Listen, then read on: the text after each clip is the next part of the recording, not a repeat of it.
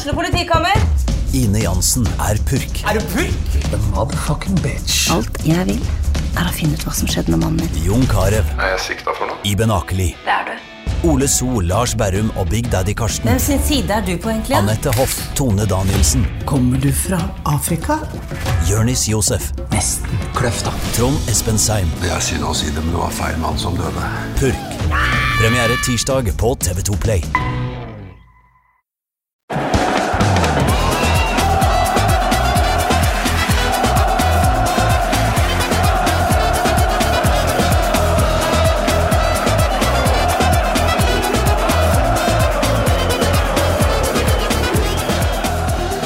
Hjertelig velkommen til en ny episode av Pyro og Pivo. Vi er tilbake i eh, studio. eh, Og for meg, Morten Gallosen, så er det litt eh, spesielt, fordi jeg tror at vi med dette er bortimot den første podkasten som spiller inn i moderne medias splitter nye lokaler i Dronningas gate.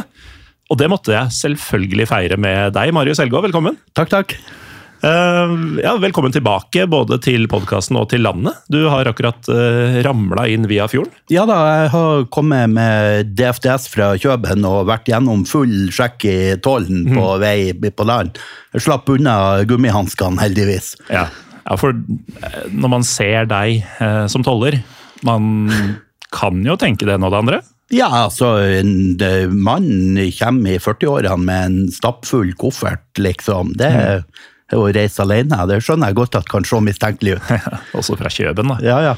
Um, men uh, før vi går i gang, Marius, så må jeg bare komme med en beskjed til eh, våre lyttere. Fordi um, den uh, onsdag den 17. januar neste år, uh, altså om en drøy måned, så skal vi feire episode nummer 300 på Jungs i Oslo. Og billetter er allerede i salg. Man kan gå på Facebooken vår og til festa innlegg på Twitter, PyroPivopod, for å se link til Facebook-arrangement og eh, billettsalg, ikke minst. Og i dag tidlig så våkna jeg til bekreftelse på den første gjesten. Eh, Jeg har lagt ut eh, litt sånn følere på Twitter i dag eh, om eh, folk klarer å gjette. Flere har gjort det allerede. Det er selveste Dan Eggen, altså. Ja, det er ikke verst. Mann som er mest kjent i senere år for å ha dukka opp på Google Street View. ja, stemmer det. Eh, og jeg opplever det i hvert fall som om han ikke er en som uttaler seg altfor ofte. Så det, det gleder jeg meg skikkelig til. Er, Ja, han han er jo en, ikke, han har ikke trampa ned døren i norske redaksjoner. nei, altså både, både oppå huet og inni huet så er det noe typete karaktertrekk som, eh, som vi skal grave i denne onsdagen. Eh, Flere gjester vil komme fortløpende, og mm, ja, billettsalget er som sagt eh, åpent. Det gjelder da onsdag 17. januar på Jungs i Oslo. Og med det, Marius, så skal vi gjennomføre vår førjulstradisjon. I år var jeg litt usikker en periode på om jeg kom til å gidde. Fordi eh, du gjorde deg såpass uspiselig gjennom dine stadige var-utsagn gjennom sesongen. Men eh, jeg tenkte at min egen smålighet eh, måtte vike for eh, tradisjoner. Ja, det er hyggelig å høre. Så det vi skal gjøre er jo da som vanlig å gå gjennom ditt eh, banehopperår eh, 2023. og dette var det første fulle året uten covid på ganske lenge. Selv om eh, veldig lite av 2022 ble prega, så var det jo fortsatt litt eh, spesielt i oppstarten. Eh, Åssen har året vært? Det har vært egentlig over all forventning. Jeg, var litt spent sjøl. Kom det til å bli sånn at det smått ble nedstenginger her og der og oppblussinger, men det har man jo heldigvis styrt unna. Og jeg har fått sett masse fotball på masse forskjellige arenaer, og både inn- og utland. Ja, og du, eh, du fører jo både blogginnlegg og statistikker over det meste. Altså, du, du er jo på en måte banehoppingas Petter Wæland eh, når det gjelder Excel-bruk og sånn, vil jeg tro. Ja, jeg tror han faktisk er et par hakk over meg, men eh, men du, um, har, har du noen statistikker for nye baner og sånn som du vil gå gjennom nå, eller vil du ta det litt Vi kan eh, heller oppsummere litt på slutten, hvordan okay. det ble etter at vi har snakka litt om noen av de turene. ja. Eh, For de som ikke har vært med på dette før, da, så skal vi rett og slett kronologisk gå gjennom eh, et utdrag fra kampene du har vært på i år. og Den aller første den eh, ble spilt allerede i januar, Marius. Ja, og det er muligens en av de kaldeste fotballkampene jeg har lidd meg gjennom. Mm. Det var, det var ikke så veldig eksotisk reisemål. Det var Valle Hovin kunstgress 2, som eh, ligger like utafor Valhall. Eh, det, er den, det er to kunstgressbaner der, og den to det er den som ligger nærmest. Den andre hadde jeg fra før, og så oppdaga jeg at de var blitt delt i denne footballer-appen, og da måtte jeg dit. og og så var det litt ekstra spennende, for de som spilte, det var Skeid og Frigg. Og på Skeid så spilte en veldig spennende eh, spiller som det gikk rykter om at Tromsø var på jakt etter. Mm. For de som eh, ikke har hørt meg før, så er jeg jo Tromsø-supporter. eh, Sitter her i Forsa Tromsø-T-skjorte. Ja. Eh, Nå er det litt på sida av det vi skal prate om i dag, men for et år for eh, altså både klubb og supporterklubb. Ja, for tribunekulturen i Tromsø har jo eh, virkelig eh, stått opp fra de døde. Så det har vært eh, kjempeartig å være med. Men eh, som sagt, uh, Skeid hadde en spiller, Jakob Napoleon Romsås, som det var begynt å gå rykter om at Tromsø drev og kikka på. Så jeg var litt spent på å se han. Eh, jeg fikk se han.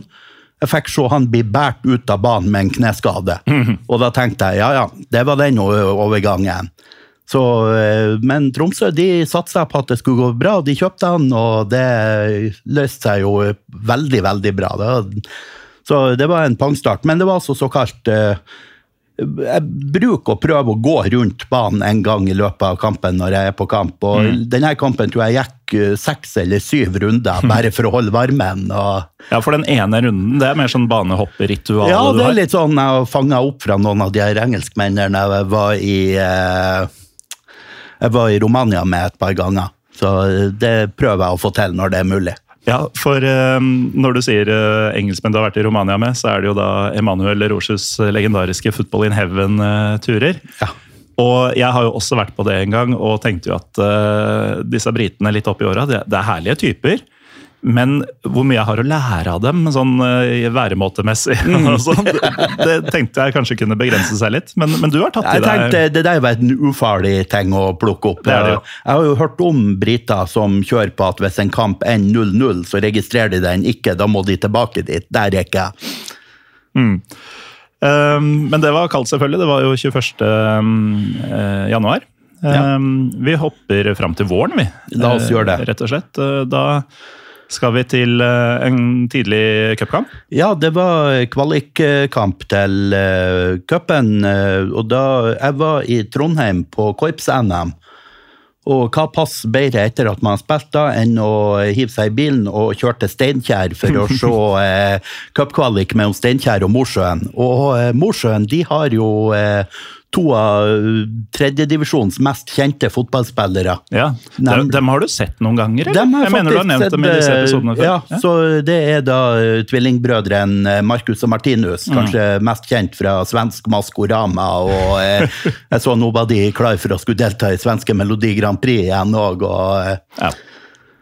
så de var der, og det var litt artig. Når jeg kom dit, så gikk jeg på feil Fordi kampen gikk inne i en hall. Eh, Og når jeg kom dit, så gikk jeg på feil side av han, så jeg måtte gå rundt til, Og så oppdaga jeg at det var ei som fulgte etter meg. Jeg og svogeren min kom der, og så spurte vi om hun visste veien. Nei, hun bare fulgte etter oss fordi Ja. eh, hun trodde vi visste veien. Eh, Men det viste seg da å være kjæresten til han Markus, Markus, ei eh, fotomodell fra Trondheim.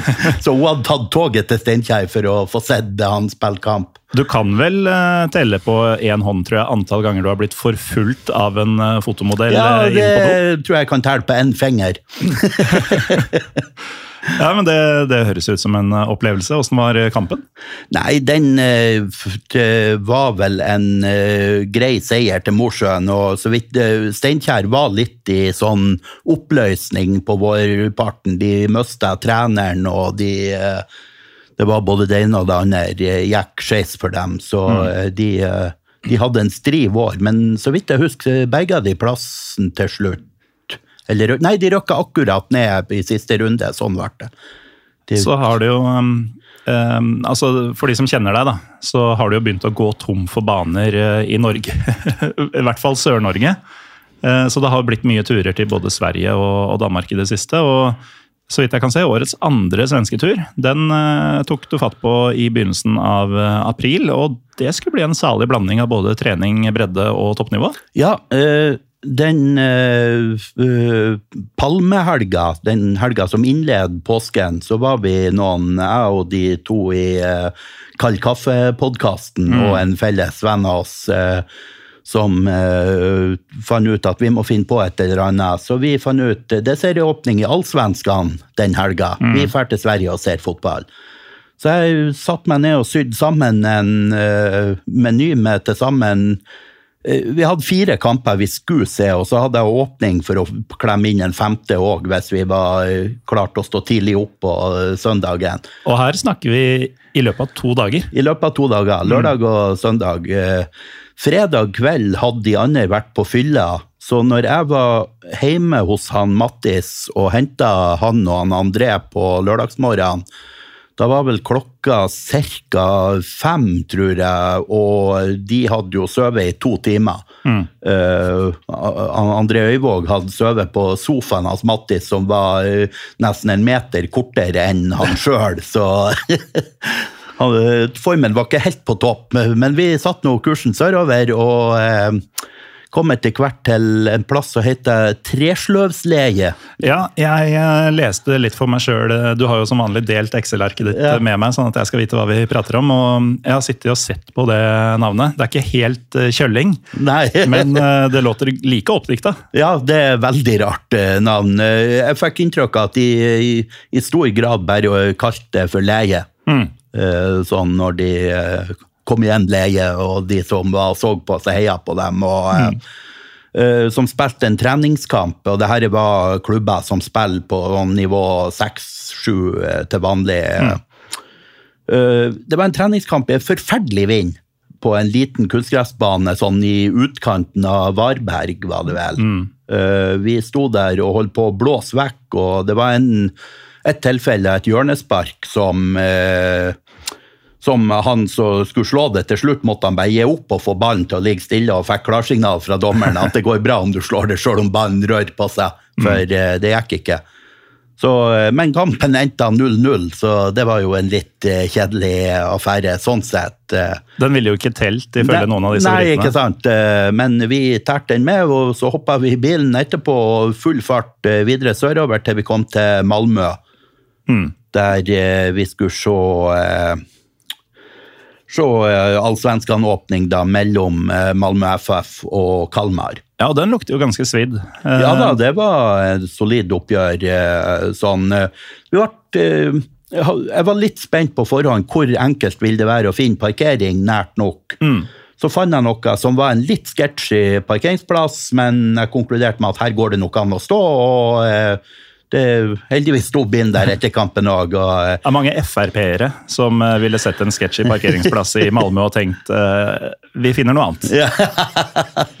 Nei da, han var ikke sånn sketsjy. Det var mer det at det var litt sånn byggeplass, og jeg visste ikke mm. om jeg blokkerte. Men så sånn. var det jo helg, så jeg tenkte det går nok bra. Mm. Uh, så uh, kampen endte 1-0. Uh, stadionet til Malmö er jo flott.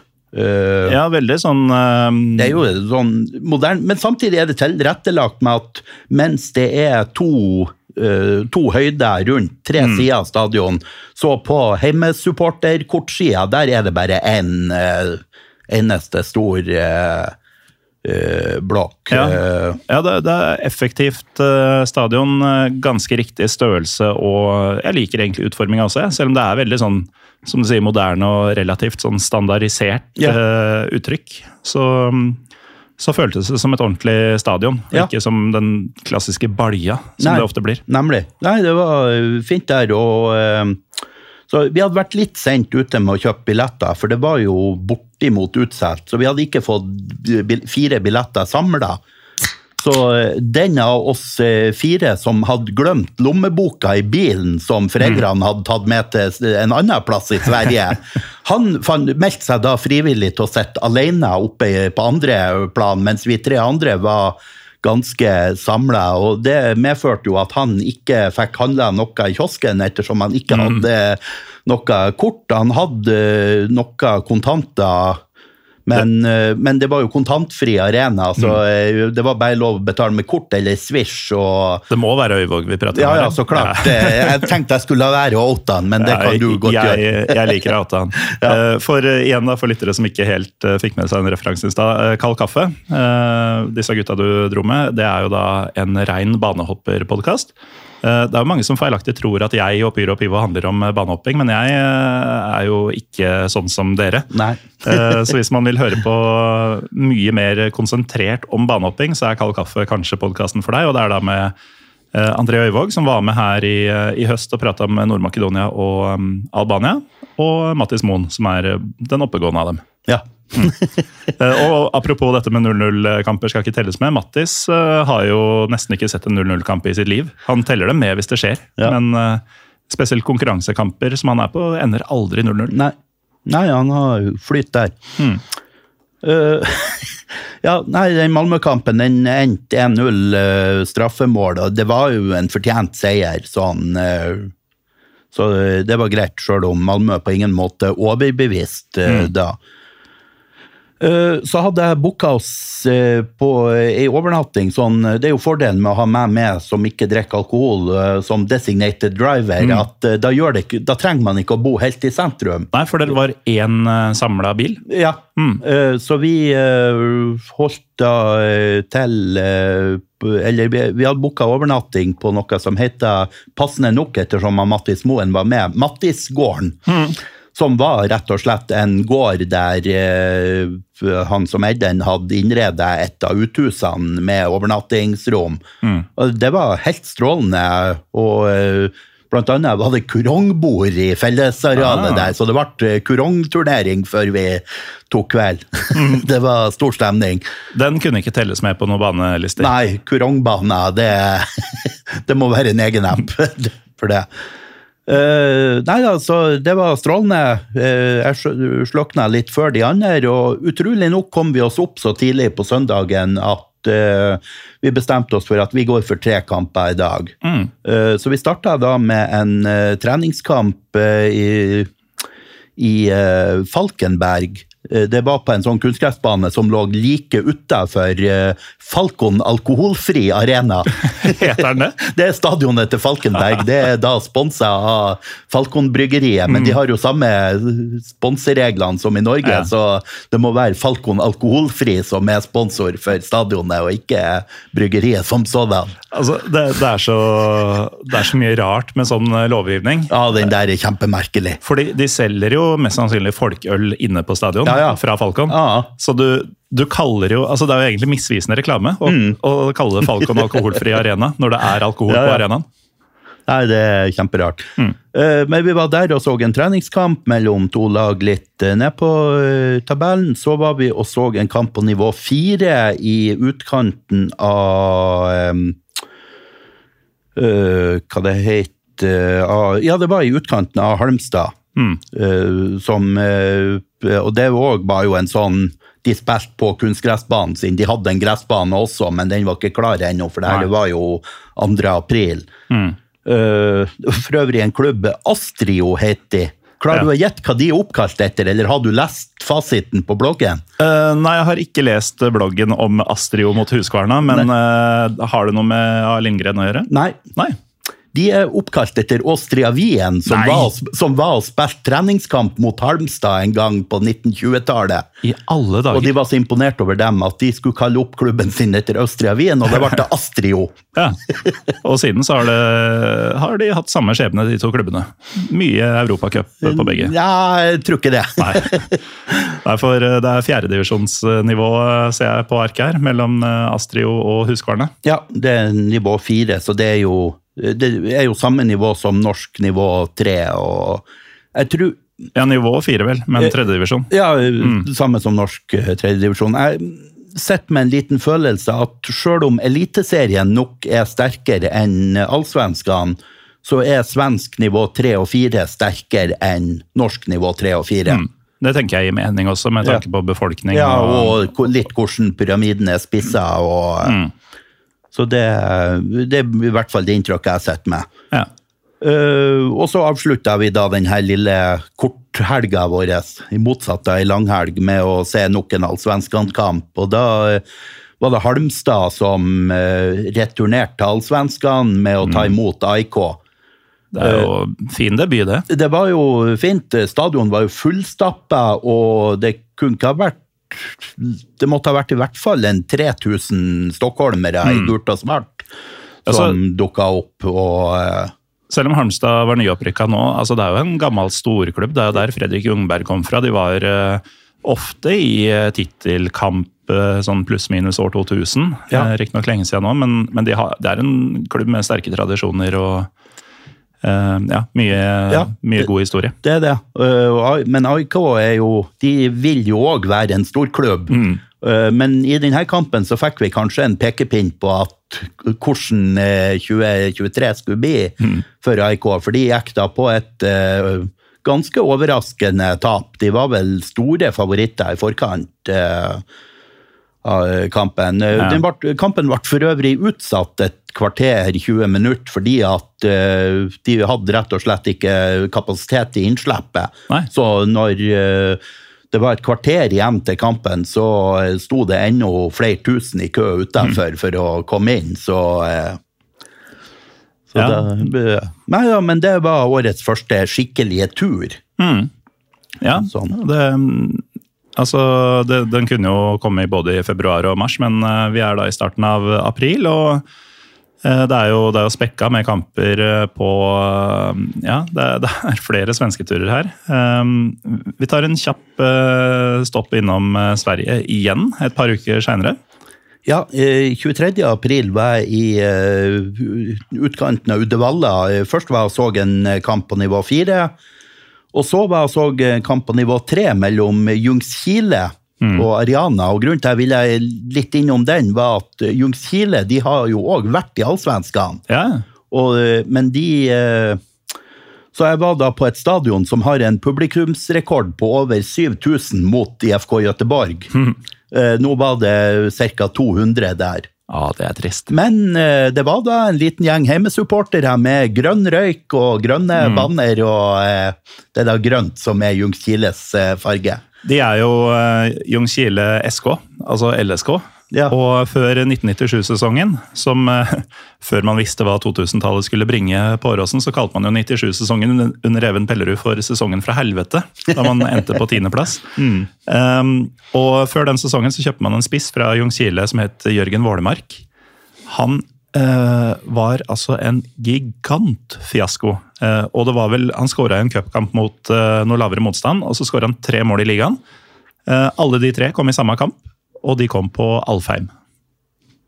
Så der, der har du din andre link til Ljungskile. Ja, det ser du. Eh, godt å rippe opp i Ja, 26 år gamle sår. Men uh, denne kampen tapte vel Ljungskile. Jeg er usikker på om de berga plassene. Jeg har ikke sjekka, uh, men de sleit i bunnen. Og så de, eh, de hadde jo et derby i år mot Oddevold, fra, som er fra sentrum av Uddevalla, og Ja. de eh, rykka jo opp fra nivå tre til eh, nivå to. Eh, så uh, så det er nok tunge tider i Jungskile med å se at by, byrivalen er, er bedre. Um, vi hopper over til eh, mai, og um, da skulle du ta, ta en tur eh, sørvestover, som eh, skulle kulminere med å besøke Eivind Bisgaard Sundes eh, gamle jaktmarker. Ja, og det var ikke en hvilken som helst tur. både var det bursdagen min, 6. mai, eh, og den kampen som var den tredje på denne turen. For jeg hadde eh, Jeg husker ikke om jeg sa- satte opp at vi skal snakke om så mange flere av dem, men jeg har faktisk vært en god del turer til Sørlandet i år, for det begynner å bli de de nærmeste i Norge som jeg kan ta. Og, eh, og da blir det sånn, når jeg skal kjøre så langt, så, så legger jeg gjerne inn ei overnatting og prøver å få tatt flere, eh, flere kamper. Så da heiv jeg meg i bilen eh, fredag kveld og kjørte til Sannidal utenfor Kragerø. Eh, Og så en kamp der. eh, Så det passa jo veldig fint å få en på vei sørover. Og så kjørte jeg videre og overnatta i Grimstad, var det vel. Mm. og så på lørdagen, som var bursdagen min, så starta jeg med en eh, kamp eh, i, i Kristiansand, mellom eh, Torden og Gimletroll. Det er litt av noen navn, begge to. Ja, de her eh, Gimletroll var en sånn klubb som hadde samla en god del folk som hadde spilt litt høyere. Det her var da i sjette divisjon nå, Ja. som er laveste i Agder, men de hadde mye spillere som hadde spilt fjerde og sånn, og, og de vant vel serien ganske suverent, og de var gode i denne kampen òg. Torden eh, altså, Det er jo noen klubber i Norge som har um, naturfenomennavn. Ja, ja, det er litt eh, Jeg vet ikke om flere som heter Torden, men det er jo flere som har Lyn som en del av navnet. Ja, Du ja, jo- så Lyn, og så har du selvfølgelig Brann. Eh, Ja. Oppi jeg tror det er Møre og Romsdal så har du Tornado. ja. ja, de er Sogn og Fjordane. Ja, ok, det er Ja. samme, samme det. Uh, og nå er altså Torden i Agder. Eh, til dere som hører på, kom gjerne med flere natur, eh, naturfenomen, naturkatastrofe, hva du skal kalle det, klubbnavn i norsk fotball. Vi, vi samler, vi. Ja. Eh, og så, som du nevnte, Mandalskameratene. Og det var da mitt stadion nummer 600. Mm. Eh, så det var Så du fikk eh, jubileum på bursdagen din? Ja. Det er utrolig godt eh, planlagt. Ja, men det, Med deg så tror jeg nesten det er det òg. Ja, At du for et par år siden begynte å se sånn hvis jeg gjør dette over Nei. et par sesonger nå, så kan jeg bikke Nei, det var ikke helt der, men jeg, det som er det at de her runde tallene, for å få en sånn badge i denne Footballogy-appen, Mm. så er du avhengig av at det er en kamp som er på et sånt nivå at du kan sjekke inn. Det holder ikke å registrere den sjøl. Så jeg hadde brukt litt tid på å få planlagt ei rute som sikra at nummer 600 var en sånn innsjekkamp. Mm.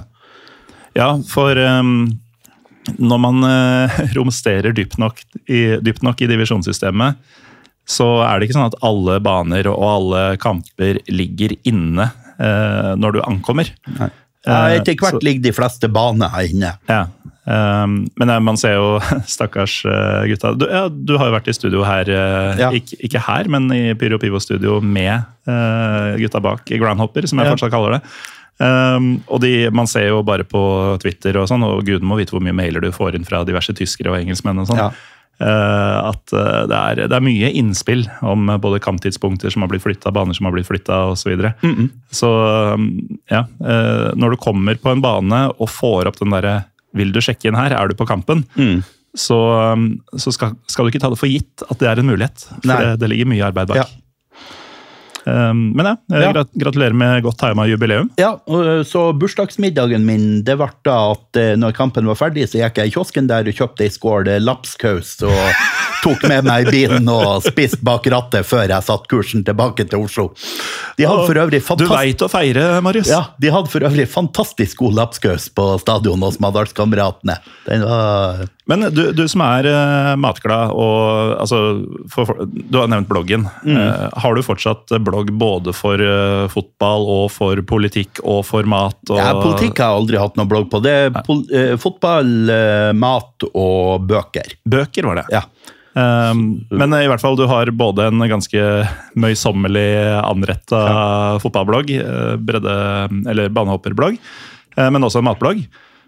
Og du som kan dette litt, eh, lapskaus, det er vel ikke sånn Hvor i Norge ville du plassert den? Sånn, hvor kommer det fra? Nei, det, For det er ikke, sånn, det er ikke Mandal det er først og fremst hadde tenkt? Den kobler jeg ganske universelt. Ja. Det Mm. tror jeg er en av de tingene som gjør nordmenn til nordmenn, enten de er nord, sør, øst eller vest. Men jeg skal innrømme at jeg hadde satt pris på en god lapskaus eh, på en eh, fotballkamp. Ja. Så godt var- spilt av ja. MK. Ja, den var veldig bra. Det var For et par år siden, det er mulig jeg nevnte det året, men da var jeg i Torsby og fikk ertesuppa. Mm -hmm. Og det òg var helt eh, fantastisk eh, godt. Og det, i Sverige er det jo helt rett å få ertesuppe på kamp.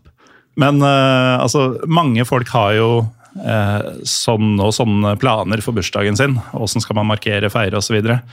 Din versjon var altså å se en sjettedivisjonskamp uh, langt hjemmefra og spise lapskaus i bilen. Ja. Ja. Folk er forskjellige, Ja, Marius. ja da. Eh, nydelig. Eh, vi kan jo hoppe til eh, dagen derpå for eh, folk som drikker, nemlig 18. mai. Og dette er første gang så langt i arket at jeg spisser øya. For nå skulle du til et land jeg ikke har vært i ennå. Ja. Jeg hadde, når det ble klart at Tromsø røk ut av cupen 2022, Altså den cupen som hadde cupfinale i Stemmer det.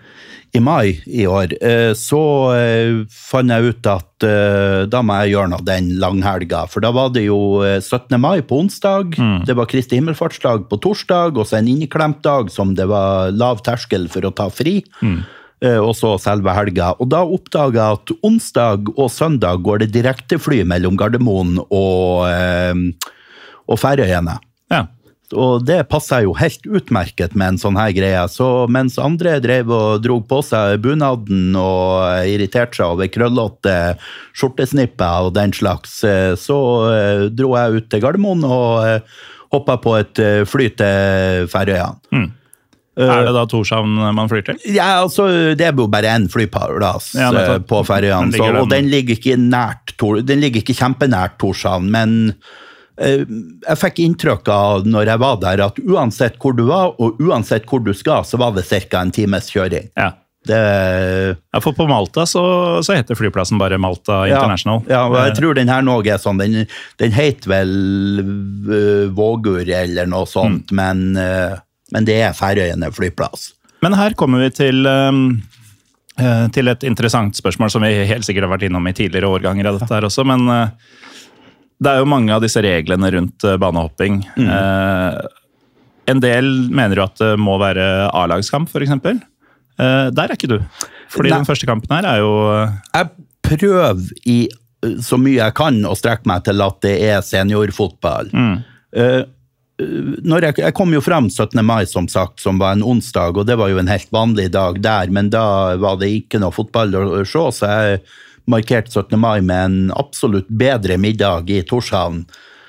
hva, hva definerer du som en bedre middag Nei, det var en eh, fireretter på en ganske fancy Mm. restaurant. Eh, Det var vel, de var en del av samme restaurantkonsern som en som har Michelin-stjerne. Okay. Men uh, den med Michelin-stjerne, de drev og pussa opp, så de hadde uh, de hadde flytta virksomheten midlertidig til Grønland. Mm. det er sånn, ja, det var, De skulle pusse opp lokalene, så de måtte holde stengt et halvt år. Ok, da reiser vi til Grønland og driver restaurant der det halvåret, og så kommer vi tilbake til uh, nytt. Det er mye eksotisk eh, i Norden eh, også. Ja. Når du eh, egentlig holder til på Færøyene. Ja. Vi er litt urbane sånn sett, men nå må vi ha noen midlertidige greier. Litt i utkanten, da tar vi Ja, Grønland. Ja.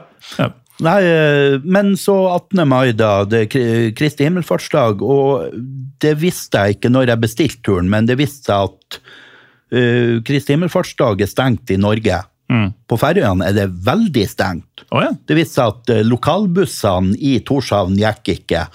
Så jeg sto ganske lenge og venta, for jeg hadde leid bil den dagen. og sto ganske lenge og venta før jeg skjønte at her kommer det ikke noe buss. Så jeg måtte gå ned til sentrum fra der jeg bodde.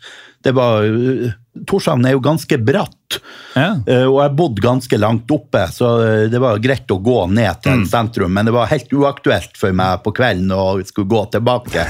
Da ble det taxi opp. Men uh, religiøse årsaker? Jeg vet Altså, ikke. Det, det er vel like religiøst som i, På samme måte som det er stengt i Norge, men det var tydeligvis en dag som har veldig sterk stilling i, på Færøyene, eh, sånn sett. Eh, Og i utgangspunktet hadde jeg slitt lenge med å spa opp noen fotballkamp og se overhodet den dagen.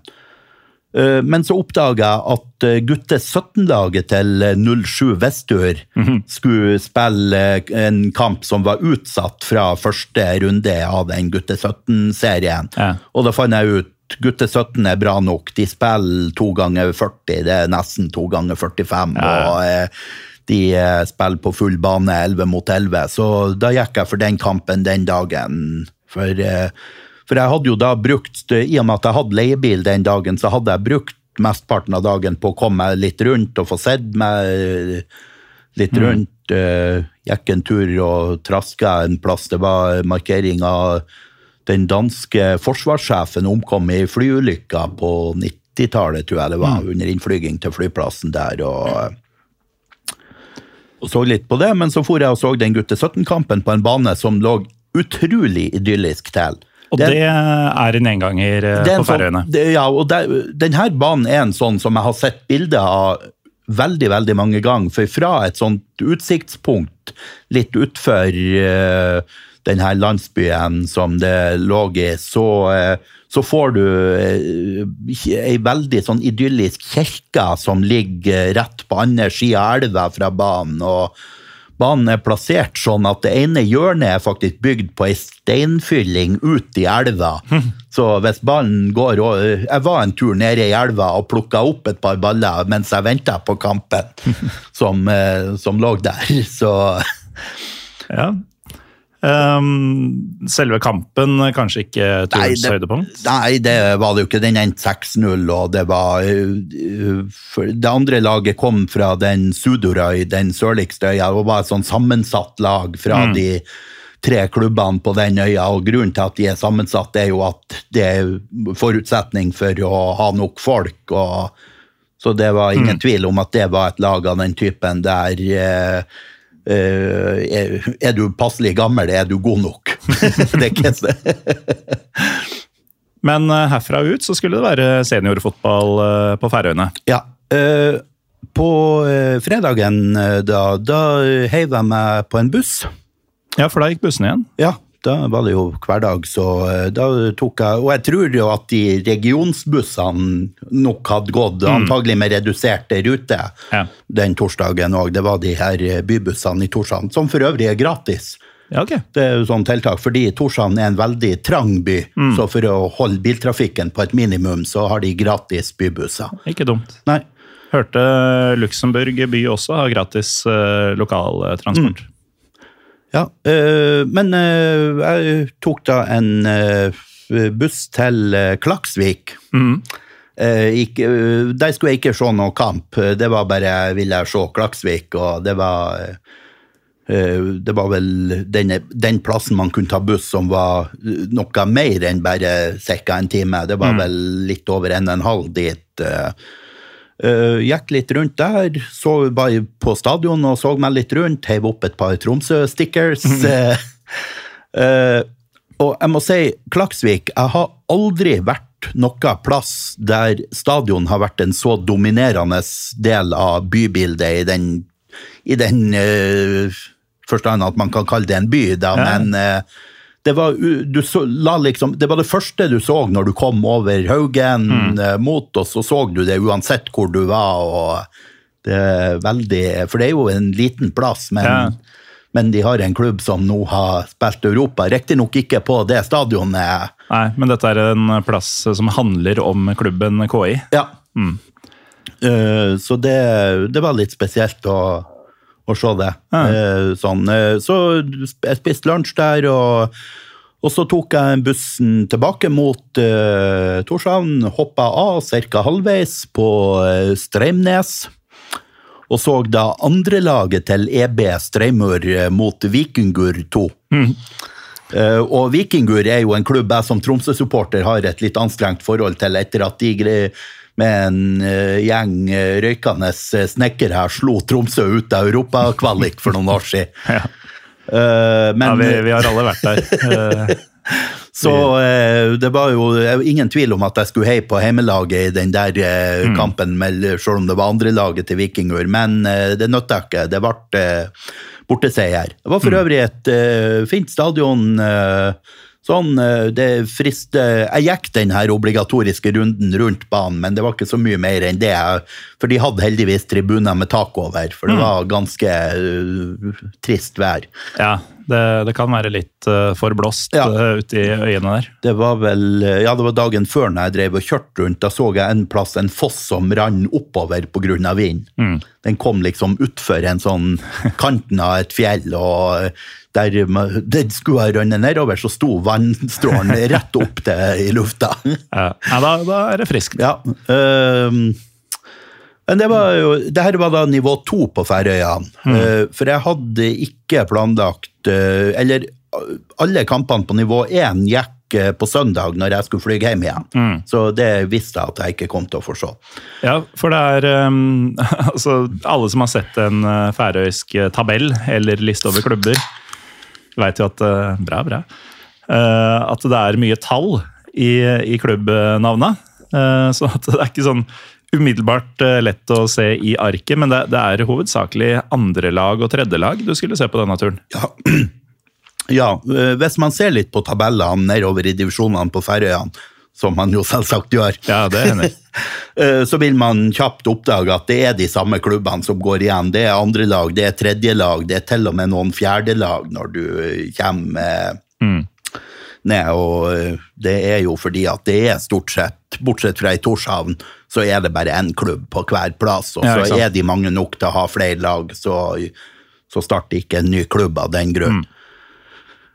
Men lørdagen hadde jeg da egentlig planlagt at jeg skulle ta båten til Suderøy eh, for å se Roin Valba, eh, som er den klubben eh, For eh, når pandemien kom, så var jo Færøyene et av de stedene der de fortsatte å spille fotball. Ja, og TV2 TV2 kjørte satte seg jo og, og- og mens alle andre valgte seg toppklubber, så fant jeg da den klubben som var lavest i ligasystemet uten å være et eh, andre- eller tredje lag. Og det var da de her Roin Valba. Eh, de, eh, grunnen til at de var så lavt, var at de hadde vært en del av en fusjon, og så hadde de gått ut igjen og starta for seg sjøl, og da hadde de starta på bånn igjen. Og, eh, men logistikken var litt utfordrende, for da måtte jeg ta ferja i to timer ca., og så måtte jeg vente ute stort sett i fire-fem timer før kampen. Og med det været som var den dagen, så frista det absolutt ikke å måtte være ute hele dagen sånn, for å se én kamp. Eh, Så da oppdaga jeg at her var det faktisk eh, mulighet for å se tre kamper på tre forskjellige stadion i Torshavn. Så da kansellerte jeg denne utflukten til Suderøy for å, for å gjøre det. Så da fikk jeg en kamp eh, klokka ett, en 15.30 og en 18. Så du valgte deg kvantitet. Ja, rett og slett. Og det var jo faktisk høyere kvalitet òg, for mm. da fikk jeg en kamp på nivå to, som var andrelaget til B36, som kanskje noen har hørt om, mot B71, som er fra den øya som ligger mellom hovedklusteret med øyet og Suderøy. Jeg lurer på om den heter Sandøy. Men eh, det er da førstelaget til B71. Ja. Eh, Men hvis du tar B36, eh, som da du sa andrelaget, ganger to, så ville det jo blitt nesten det samme. Ja, nesten. Så det, Det, um, Excel kan brukes til ja. så mangt. Men uh, det ble uh, total overkjøring. Kampen endte 7-1. og, eh, Men det var jo på den gamle nasjonalarenaen. Så det var jo et Gundadalur? Ja.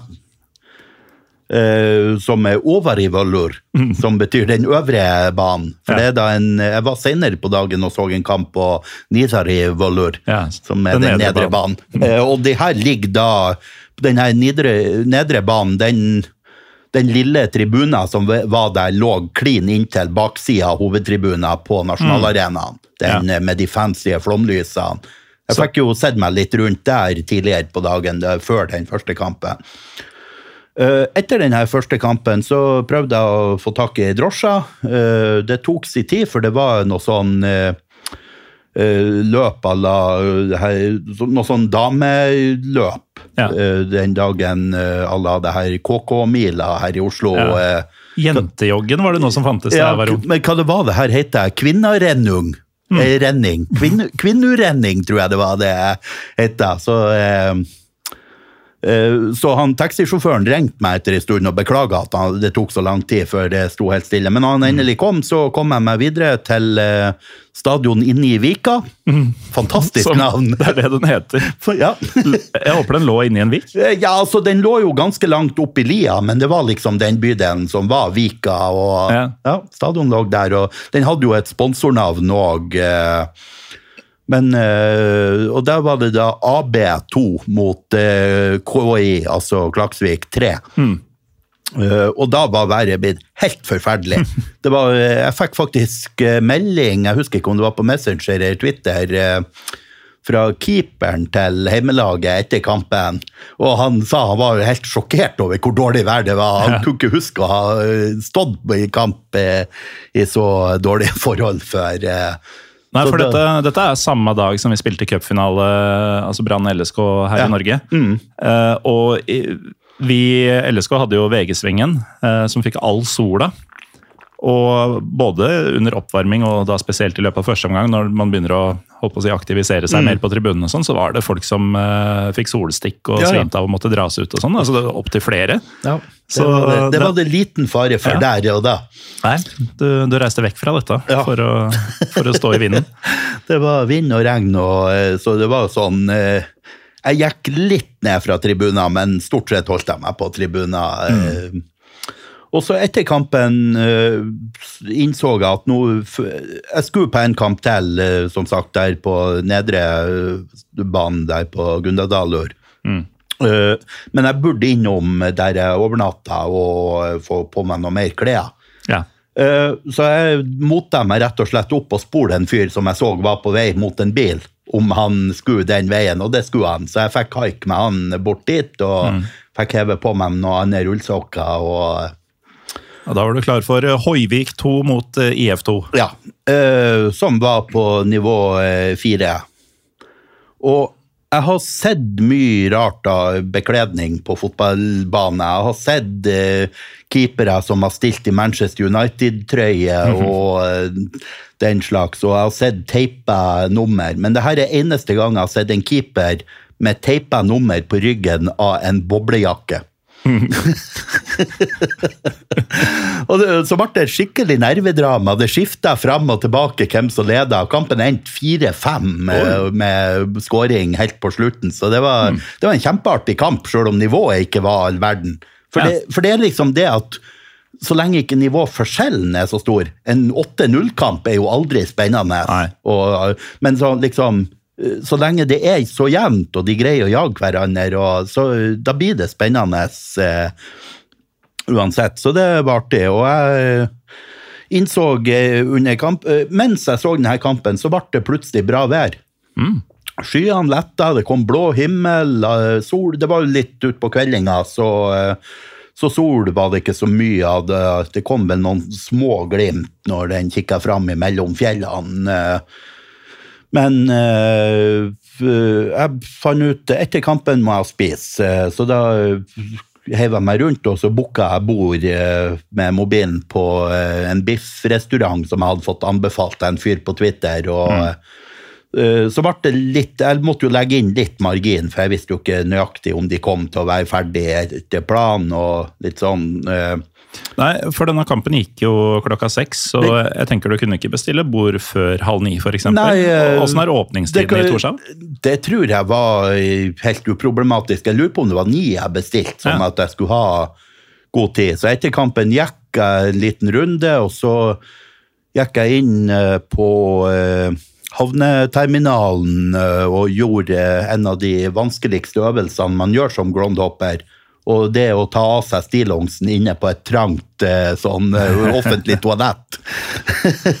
Fått litt øving i det òg. Ja, det må være litt akrobatisk, og skal helst prøve å unngå å trø rett på gulvet Ja. uten skoen på. og eh, litt sånn. Men jeg fikk gjort det og slo det i hjel litt tid, så gikk jeg og spiste en fremragende biff, og så tok jeg kveld, og dagen etter reiste jeg som sagt hjem. Men eh, en uke etter så skulle du ut og reise igjen, eh, riktignok eh, innenlands. Ja, da eh, var det jo igjen eh, langhelg, for da var det pinse. Ja. Og, og andre pinsedag skulle Haugesund spille mot Tromsø, og det vil jeg jo ha med meg, sjøl om jeg har vært i Haugesund før. Men du hadde ikke vært på stadion før? Eh, jo. Ja. Ja. jo da. De, de som står med halvfeit i denne lista, er stadionet jeg har vært på før. Ja, ok. Ja. Um, ja, det er mye fargekoding her. Jeg trodde kanskje de grønne var eh, nye Nei, det er de grønne gress. Sånn var det. Ja. ok, men det, det betyr Ja. at um, eh, at det ble en del nye baner på, Ja, deg, på denne turen. jeg la opp ei rute som eh, på fr- fredagskvelden så kjørte jeg til Valdres. Mm. Så sjettedivisjonskamp i Heddalen. Jeg var anbefalt å se den så fort som mulig, for det var ikke sikkert Heddalen kom til å klare å eh, fullføre sesongen. Nei. Eh, De sleit litt med folk. Eh, Det var veldig trivelig der, og ble godt mottatt. De syntes jo det var stas at det kom folk til bygda for å, eh, Ja. for å se kamp. Og så etterpå kjørte jeg opp til Tynkrysset og overnatta der. Eh, Så var jeg litt småforkjøla denne helga, så jeg hadde jo overnatta da på 1000 meters høyde cirka opp på Tynkrysset. Tynkrysset. Og så kjørte jeg ned til Lærdal med tette bihuler og tette ører, og det var en prøvelse. Ja, det, det ser jeg for meg. Da, eh, for da dagen etter fortsatte jeg vestover, eh, kjørte Bergen. Eh, Så damelaget til Tromsø, de TIL 2020 som de het, mm. gikk på et surt tap mot uh, Fyllingsdalen på Varden Amfi, som jo er en, en flott arena for den størrelsen kamper. og Det er jo der eh, andrelaget til Brann har jo òg spilt uh, kampene sine der. Og gamle banen til Fyllingen, da de var eh, Ja, de spilte vel uh, der i City. Så ærverdig bane. Eh, TIL 2020 heter det fordi de i likhet med f.eks. LSK Kvinner er en sånn franchise-variant som låner men- deler av navnet. Ja, men der er det, det ligger an til at det blir sammenslåing Mm. eh, neste år, tror jeg det er. Ja. Så uh, Men eh, å, og, gå rett fra en kvinnekamp eh, samme dag til å se neste hjemmelag ja, det, fordi den eh, neste kampen jeg så denne lørdagen, det var da med laget med, det fantastiske navnet Mann. Og ikke nok med at de het Mann, klubblogoen er også det her eh, mannsymbolet. Den ja. er sånn en ring med ei pil på skrå ja. oppover. Så det er ikke, det er ikke tilfeldig. Nei da. Så det, de, de spilte mot tredjelaget til Fana i, uh, i uh, sjettedivisjon uh, i Bergen. Og Jeg tenker jo, Når du er i Bergen og ser lokalfotball altså Bergensere er jo ekstremt sjåvinistiske folk. Eh, Når du i tillegg ser et eh, lag som fremstår i hvert fall ganske mannssjåvinistiske, så får du dobbel dose. ja, det, jeg merker ikke så mye til akkurat det. Så, uh, og det, kan du tenke, Den bergenssjåvinismen den er jo først og fremst retta ut av Bergen. Her var det jo to bergenslag som møttes, Ja. så da blir det ikke Nei, det, de blir ikke opphøyd i hverandre. Nei. nei. Nei. Eh, men den kampen gikk jo på en eh, legendarisk bane, uh, Møllenpris, Mm. som ei lang stund var kjent fordi at den hadde bare tre hjørner. Ja, stemmer det. Eh, det var noe feil planlegging, så det ene hjørnet var rett og slett kutta av av veien som gikk forbi. Uh, Og da snakker vi hjørnet på banen. det ene hjørnet av banen var eh, rett og slett Så det var umulig å slå corner på riktig måte fra det hjørnet. Uh, Nå løste, jeg er litt usikker på hvordan de løste det, men uh, jeg lurer på om det var rett og slett at de gjorde den smalere. Eh, og dermed flytta midtsirkelen litt sidelengs. Og, Uh, men uh, arenaen var helt fantastisk. Det var uh, ei tribune, gammel tretribune med over, eller betongfundament, men overbygg i tre, eh, som var veldig integrert med lokalmiljøet. Altså på motsatt side var det ei naken betongtribune. Sånn. Og jeg, jeg har en drøm om at Brann skal trekke en klubb som, eh, som spiller der i cupen. For det tror jeg kunne vært en opplevelse og sett, eh, å sett bilder fra, eh, rett og slett. Mm. For det er jo flere klubber som, eh, som deler den. Når jeg kom dit, så så jeg slutten av en annen kamp før jeg Eh, Så overnatta i Bergen, og så hadde jeg funnet to kamper dagen etter òg, som jo da var første pinsedag. Så det, da så jeg først eh, en kamp på en bane som ligger lia bak Brann stadion. Og ganske, altså, ja, Ca. bak bortesvingen på Brann stadion, hvis du beveger deg en kilometer i luftlinje oppover bakken der, så, eh, så kommer du til Legdebanen, der andrelaget til Baune spilte mot andrelaget til Djerv, som da ikke er Djerv 1919. Nei, jeg skulle til å si det. Dette er et eh, lokalt lag i begge. Mm. Uh, før jeg tok turen ut uh, til uh, Lysekloster og så eh, Lysekloster mot Sandviken, som jo var et, eh, et toppoppgjør i tredjedivisjon. Det endte vel med at Lysekloster rykka opp, tror jeg, så de skal spille andredivisjon neste år.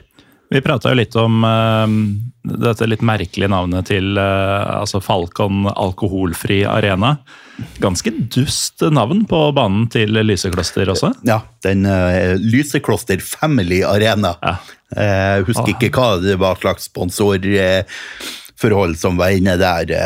Jeg kjenner tarmene knyter seg litt rundt hverandre av å lese det. Ja, ikke sant? Gyselig navn. Ja. Um, men så var det da det som vanlige folk i hvert fall ville kalt turens høydepunkt uh, på søndagen. Ja, det var jo eh, eh, Jeg starta søndagen med å plukke opp en medsupporter som kom flygende fra Mandagen er det kanskje? Ja, mandagen pinsedag. var det blitt da. Mm. Eh, andre pinsedag. Eh, eh, Martin Nilsen, som Ja. Han har for øvrig 15 av 15 bortekamper med Tromsø i år. Det er solid. Ja, Jeg, eh, jeg møtte jo Martin Nilsen ja. i Tromsø i fjor, Mm. eh, da jeg var på bortekamp. Og han og en Han har jo en kompis som også heter Martin, Ja. som holder med Lillestrøm. De hadde kjørt sammen fra Østlandet til Tromsø og kjørte tilbake igjen for den kampen. ja det er jo helt eh, Gale folk, altså! Det finnes mange diagnoser, det er ikke bare Ja. min breddediagnose Nei. som er Nei, Martin og Martin eh, Ja. har diagnoser. eh, Så de, men eh, han Martin kom da flygende til Bergen, så plukka han opp, og så kjørte vi sammen ned til Haugesund. Spiste litt, så kamp. Eh, Det ble eh, seier til Tromsø, som det jo så ofte ble på bortebane i år. Det ble avveksling. Eh, og så eh, og så kjørte vi hjem da på kvelden, skråstrek natta. Og det må jeg si, det at kamptidspunktet i Eliteserien ble flytta fra 18 til 17, det er det beste som har skjedd ja, for, eh, eh, for bortesupportere. for For, den, for den timen der, den er altså så, så stor betydning. Forskjellen på å være hjemme klokka fire og å være hjemme klokka tre, den er enorm. ja, ja. Ja, og i det hele tatt eh, det å kunne rekke kveldsfly fra Ja, det er også, når, på å si alle andre steder enn Molde. Ja, når man reiser på fornuftige måter. Det er Ja, nei, det, Ja. det er helt for, faktisk. Ja. Eh, I, en, um, I en verden, altså Pyro Pivo-universet, hvor eh, alt handler om å ikke endre fotballen, Ja. så er det en endring som jeg syns har vært til bedre. Ja. Eh, Sånn for å ha det på papiret. Um, hvis vi hopper til uh, Da nærmer vi oss min bursdag, eh, midten av juni der. Ja. Så skulle du ta enda en eh, svensketur. Jeg hadde meg ei svenskehelg, og jeg starta på fredagskvelden med en kamp. Jeg er litt usikker på om den banen finnes lenger etter det her leirskredet i Stenungsund, for det er cirka der. Men så lørdagen da Jeg overnatta litt i utkanten av Gøteborg, ved den gamle, nedlagte flyplassen i Göteborg. Eh, og så starta jeg med å kjøre litt sør for Gøteborg, til Kungsbakka, for å se en kamp på nivå 6, eh, det som heter divisjon 4 i Sverige. Med Kungsbakka City, og eh, ja, de, de har ingenting med City Group å gjøre. det tror jeg på. Men uh, det visste seg Det var en uh, trivelig klubb. Eh, De hadde ok stadion eh, eh, der eh, Det viste seg at han som sto i kiosken og solgte kaffe og korv, han har to Uefa Cup-gull. Det var IFK Göteborgs gamle midtstopper Tord Holmgren alle dager. som eh, ble henta fra Gjellivare, var det vel, eh, hjemplassen til han eh, Erik Niva. Mm. Ble henta derifra, han og broren. Eh, Ble henta fra sånn bredden der eh, på slutten av 70-tallet og sto, eh, var midtstopperparet til IFK Göteborg i ti år. Og de vant to eh, Uefa Cup-gull.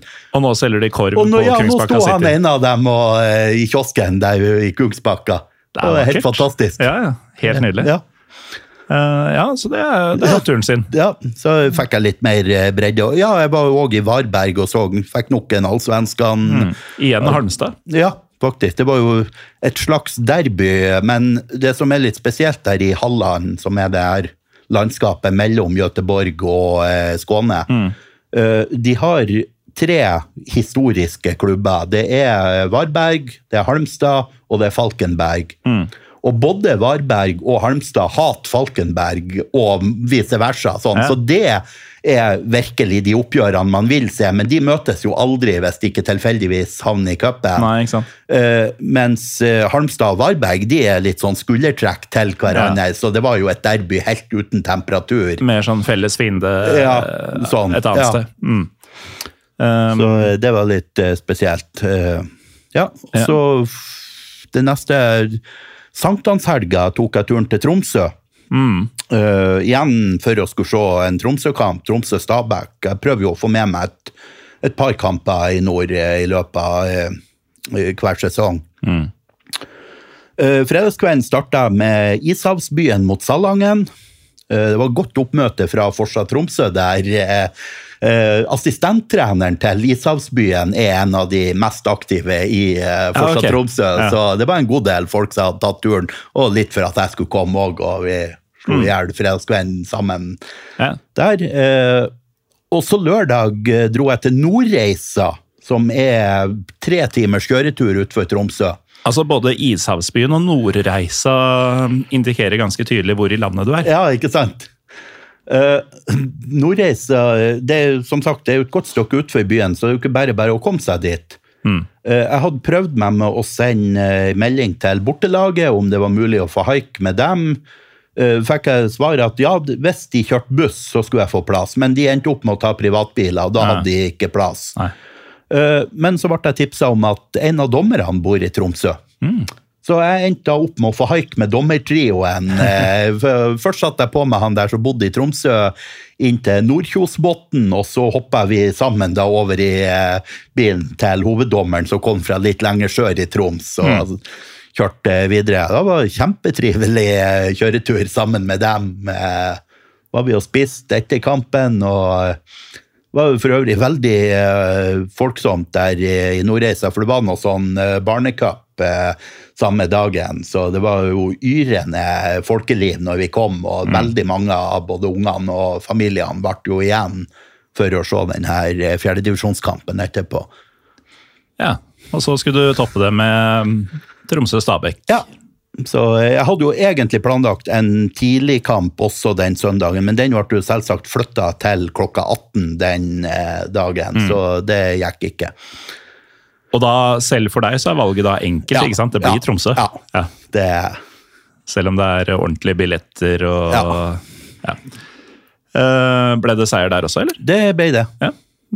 For det skulle det også bli eh, på neste Tromsø-kamp, eh, ser jeg. Med stor irritasjon. For i Ja. månedsskiftet juni-juli så var det enda en svensketur Ja. som eh, endte opp på Åråsen. Da eh, for jeg til Sverige og hadde blitt tipsa av to andre groundhoppere. Han legenden Rai Tørnquist, som er den i Footballertree-appen, den norske groundhopperen med flest eh, stadioner. Eh, han og eh, Tom Børkeeie, som for øvrig er i slekt med eh, Rosenborg Børkeeie, mm.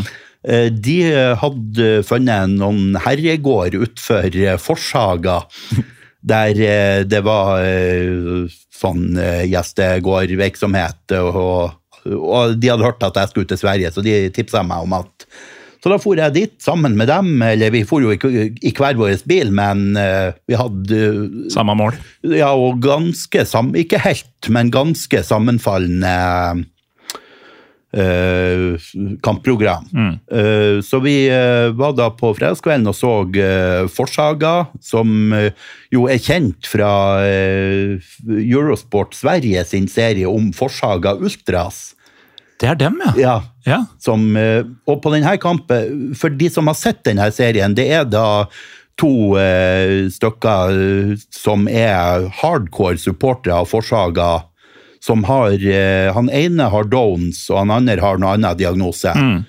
Eh, og en vesentlig del av denne serien er at de blir uvenner hele tida, men så blir de jo venner igjen. Men det er jo stadig vekk at de krangler om et eller annet. Og på denne kampen så var det bare én av dem som var til stede, så da har de tydeligvis uh, røket uklar igjen. eh.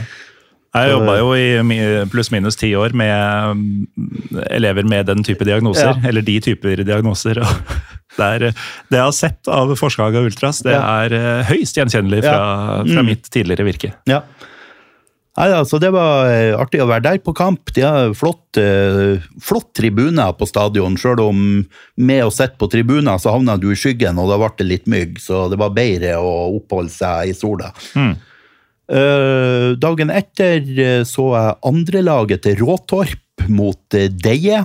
Det var eh, litt nærmere Karlstad. Dette er jo litt nord for Karlstad, eh, Ja. langs, eh, langs Trysilelva, som jo renner ut i, i Vänern i Karlstad. Uh, og som hadde en nydelig eh, bane. Det første laget spiller vel i Jeg lurer på om det er nivå seks de òg spiller. Mm. Eh, eh, så jeg så den, og så så jeg en kamp til litt lenger nord i, eh, i Värmland. Eh, tilbrakt ei natt eh, til på, eh, på den her herregården, og så så jeg en kamp eh, like ved det. For de som har kjørt forbi Karlstad, så vet man at rett øst for byen så ligger det en eh, Kentucky Fried Chicken. Man ser et sånt svært tårn med en KFC-logo. og Eh, og det var ikke så langt unna den var jeg så en kamp. eh. og når den var ferdig, så hoppa jeg i bilen og kjørte til Åråsen og fikk endelig se Tromsø vinne der, for det har jeg ikke sett for ofte. Var det um, ble, ble det litt KFC til uh, brunsj der, eller? Eh, nei, jeg tror ikke det var da jeg spiste KFC. Jeg hadde en uheldig KFC-opplevelse der, men jeg husker ikke på hvilken tur det var.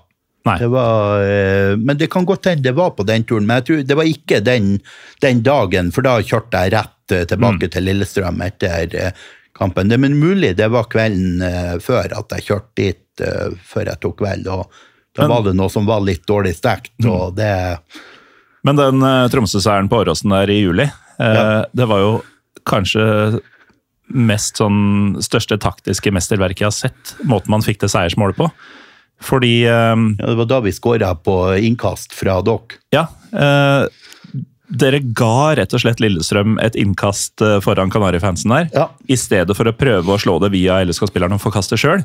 Fordi gudene veit at uh, det laget som er farligst for seg sjøl på egne innkast, det er Lillestrøm Ja, det har jeg hørt flere Lillestrøm-supportere som har sagt. Så jeg, jeg mener nesten i fullt alvor at Tromsø med vilje ga bort det kastet for å få en sjanse, og der kom seiersmålet, Ja. gitt.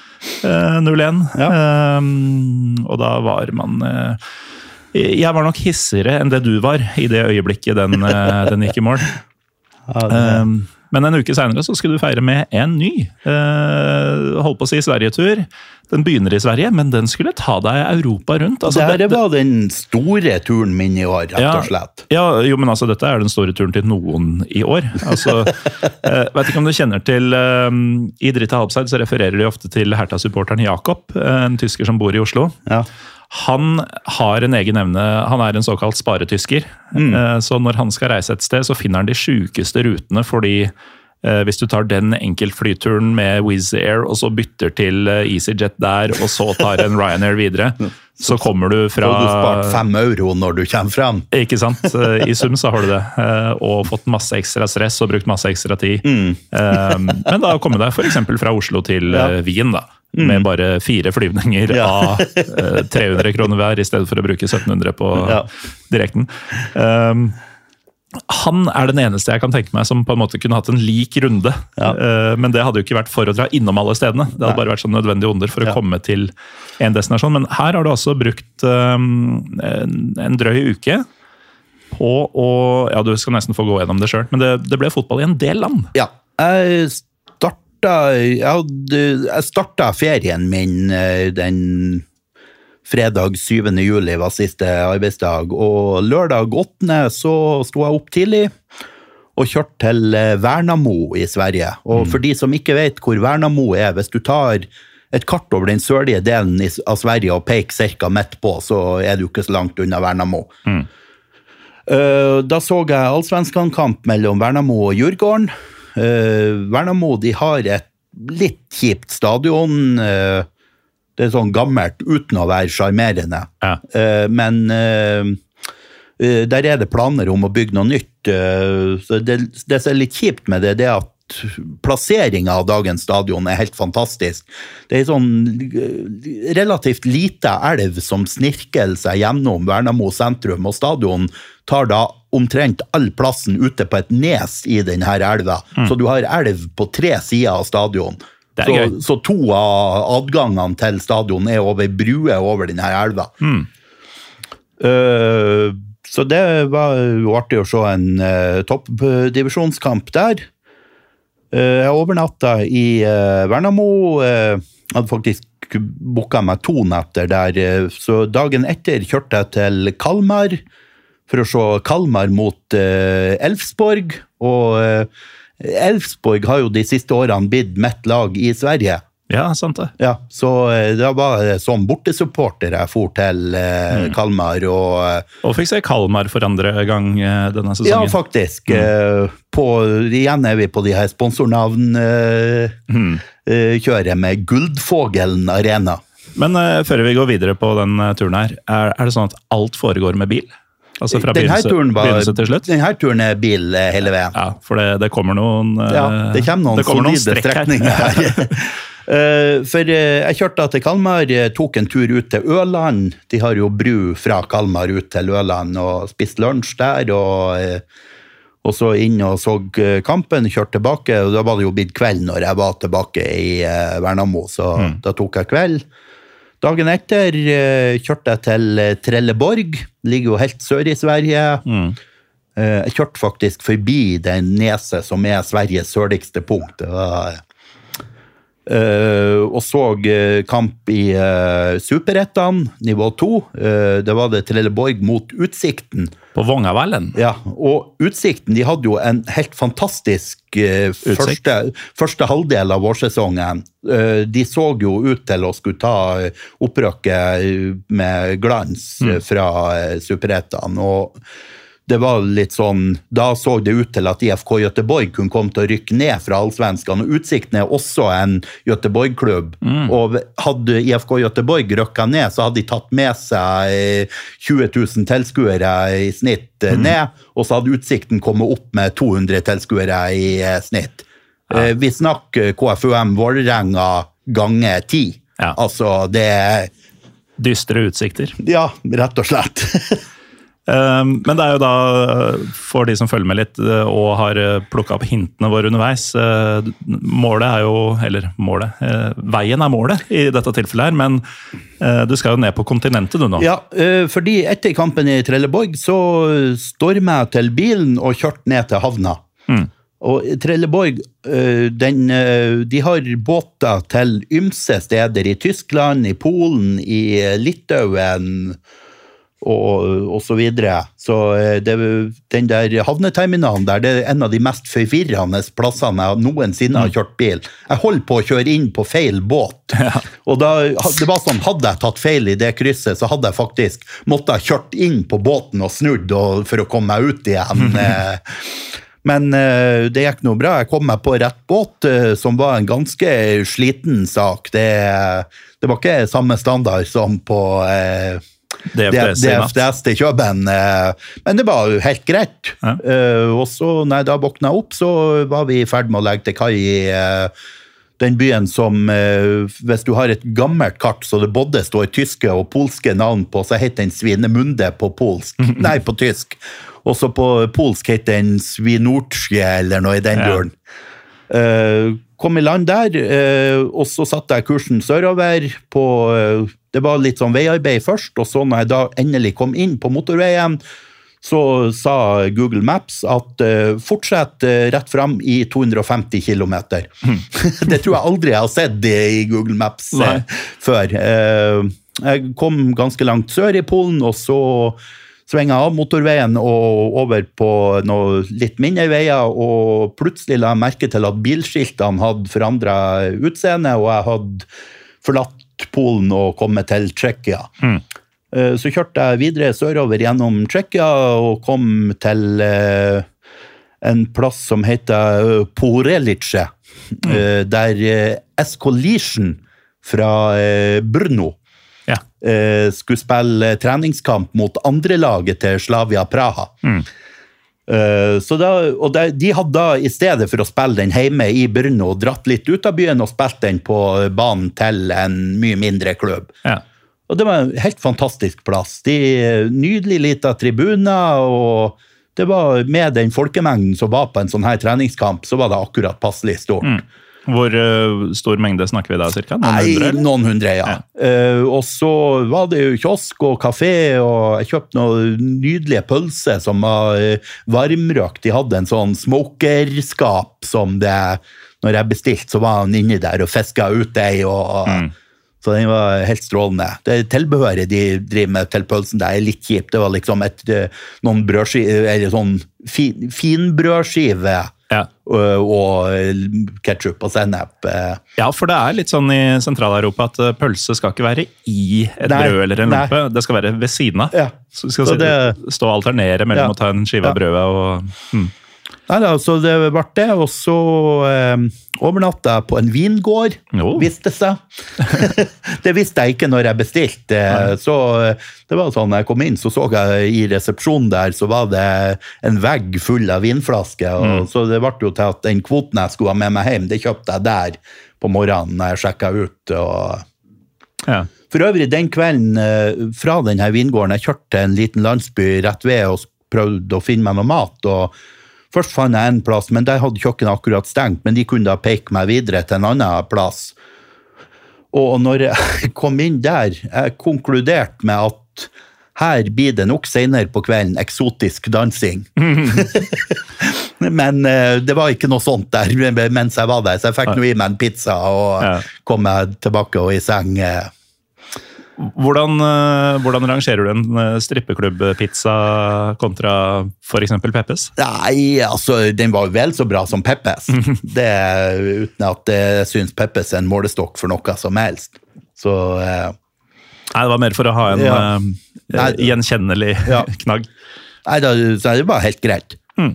Eh, og så dagen etter kjørte jeg over grensa til Slovakia. Eh, og så for jeg Det var så varmt den dagen. Eh, Det var sånn 35 grader i skyggen. og eh, Jeg kjørte en runde, for jeg hadde litt tid å slå i hjel, selv om kampen var klokka 11. Jeg hadde våkna ganske tidlig, for det var jo der, det var ganske enkelt der jeg hadde overnatta, så det var jo ikke noe aircondition. og Nei, det var bare å og- så det komme var, seg av gårde. Kom seg i bilen der jeg hadde aircondition, så jeg fikk kjørt meg litt ned. Og, eh, så det var da treningskamp klokka 11 mellom et lag som jeg tror spilte i den slovakiske toppdivisjonen. FC Vion Slate Moravce, eh, som holdt til et stykke unna, også mot et lag fra Ungarn som spilte på nivå 2, Gjøri E2 FC. Ja. Eh, og som sagt, det var så varmt. Eh, og eh, kom inn eh, Jeg fant en litt sånn sketchy parkeringsmulighet.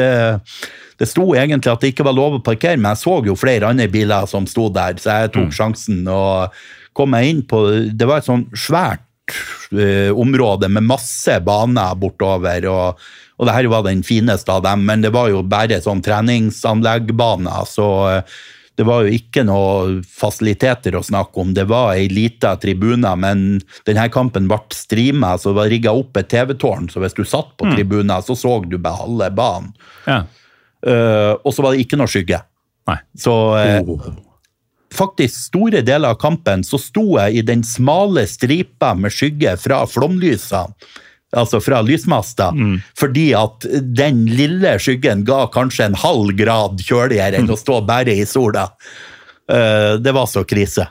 Men så jeg leide meg nå gjennom den der kampen, og så uh, uh, Og så for jeg videre.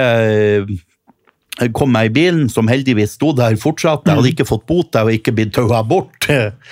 Eh, Fikk kjørt opp eh, aircondition igjen, så eh, fikk ned noen grader, og så kjørte jeg litt, litt sånn småveier inn mot hovedstaden, for jeg ville ikke komme altfor tidlig. Bratislava. For da på kvelden så jeg Champions League-kvalik mellom Slovan Bratislava og Swift Hesper fra Luxembourg. ja. Og det var jo på eh, nasjonalarenaen i eh, Bratislava, som er et eh, topp moderne, flott stadion. Da fikk jeg for øvrig selskap av hun eh, Babsi Blubb. ja Vikingsupporteren fra Østerrike. Ja, hun, eh, Wien er jo bare en time unna Bratislava. Ja, og Wien flyplass ligger omtrent midt mellom de byene. Ja, så hun tok uh, toget til Bratislava, og så uh, møttes vi før kampen og så, satt sammen, og vi flytta litt på oss. Først hadde, der jeg hadde kjøpt plass, viste seg å være rett ved sida av ultrasene. Sånn, og eh, både var det litt dårlig sikt, og dessuten var det litt dårlige holdninger òg, som det var greit å ikke bli assosiert med. Mm. Så vi flytta oss over på motsatt side av stadion, og da så vi jo Det var for øvrig de eh, trommisene til den supportergjengen der, det er det mest imponerende jeg har sett av trommejobbing i år.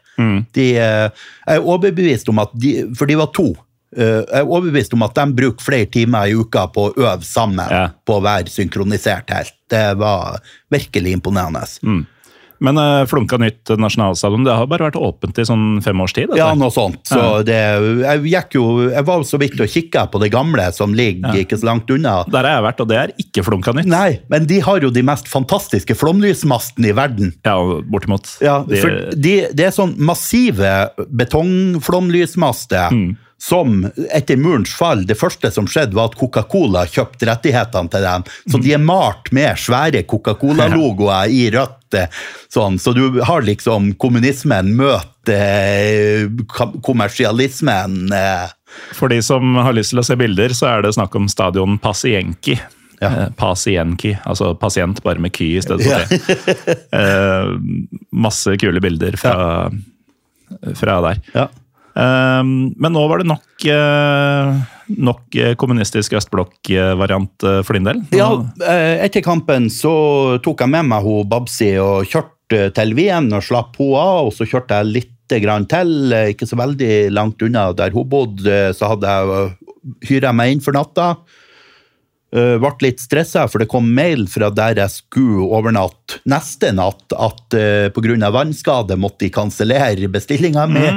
Eh, så jeg måtte jo hive meg rundt på Airbnb og finne en ny plass å bo den natta. Det løste seg heldigvis uh, eh, greit. Eh, så satt jeg da, dagen etter, det var nå blitt torsdag, eh, kursen vestover. Torsdag betyr jo eh, Conference og Europaliga. Oh yeah. Så da eh, dro jeg til eh, Vaduz i Liechtenstein og så eh, FC Vaduz mot Neman Grodno fra Belarus i Conference League-kvalik. Og det Altså, det stadionet i Vaduz, det var flott. Det var helt perfekt, men altså, det en sånn her kamp, de vet at de kommer ikke til å komme videre, så de greier ikke å mobilisere folk, så det var ikke veldig folk som I tillegg, mens jeg var på kampen, så kom jeg i prat med en sveitsisk groundhopper som hadde sett eh, at jeg var der og oppsøkt meg. Og, eh, så han kunne jo, Jeg kan ikke tysk, eh, så han kunne oversette litt fra meg, og de hadde noen protestsanger, for det var visst noen som var utvist fra stadion. Vaduz? Ja, av de hjemmesupporterne. Så de som var der, de var litt sur på klubben og drev og sang litt om det. og eh, sånn. Men det var litt spesielt. De her Neman Grodno de hadde jo endt opp eh, som nummer sju eller åtte i den eh, Belarus-ligaen.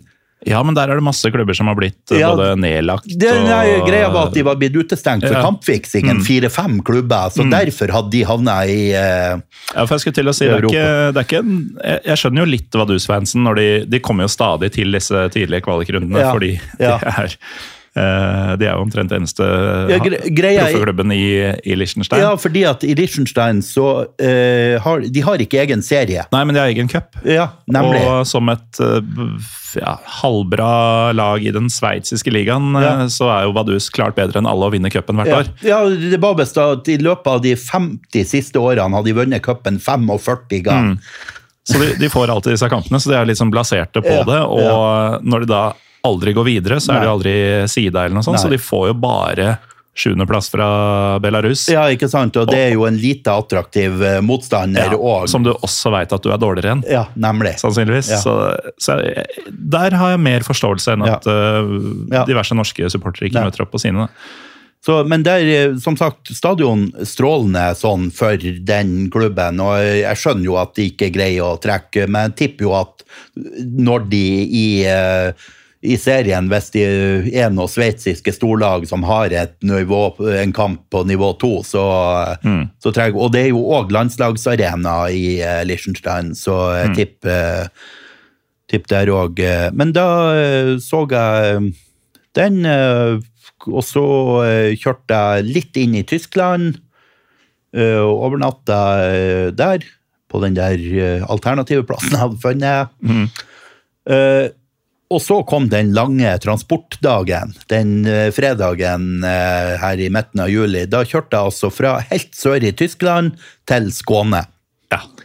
Det er, eh, det er et bra Det ble vel 13-14 timer i bil den dagen, og da, jeg var ganske gåen når jeg kryssa over Øresund og kom inn i Skåne og visste at nå har jeg bare en halvtime igjen til jeg kan ta kveld. Ja. Det var veldig behagelig å få lagt seg da. og... Og så dagen etter hadde jeg egentlig tenkt at jeg skulle eh, ta en revisit, eh, som det kalles, på en bane jeg hadde vært på før, i Halden, på vei tilbake til Oslo. Eh, fordi Kvikk Halden hadde egentlig kamp mot Bærum den lørdagen.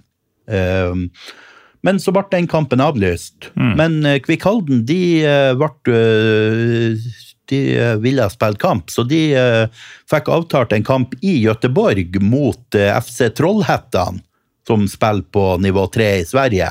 Eh, og eh, Uh, og den gikk da på en bane jeg mangla, så jeg la inn en stopp der. Så den kampen sammen med et par uh, Kvikk Halden-supportere, som nå bruker enhver anledning til å mobbe meg for at jeg har sett Kvikkhalden i Europa, men ikke Tromsø. Det skal endre seg, vil ja, jeg tro. jeg håper at det får, eh, får endra det neste år. Men da så jeg eh, den på lørdagen, da. Kjørte hjem lørdag kveld. Tømt bilen, fylt bilen. Eh, Søndag morgen satte jeg kursen videre nordover til Trondheim. Ja. Så Rosenborg-Tromsø. Overnatta i Trondheim, og mandag kjørte jeg hjem til Mo i Rana og tok to uker ferie nordpå. Ja. Eh, hvor det selvfølgelig også ble, ble et par fotballkamper. Men eh, Ja.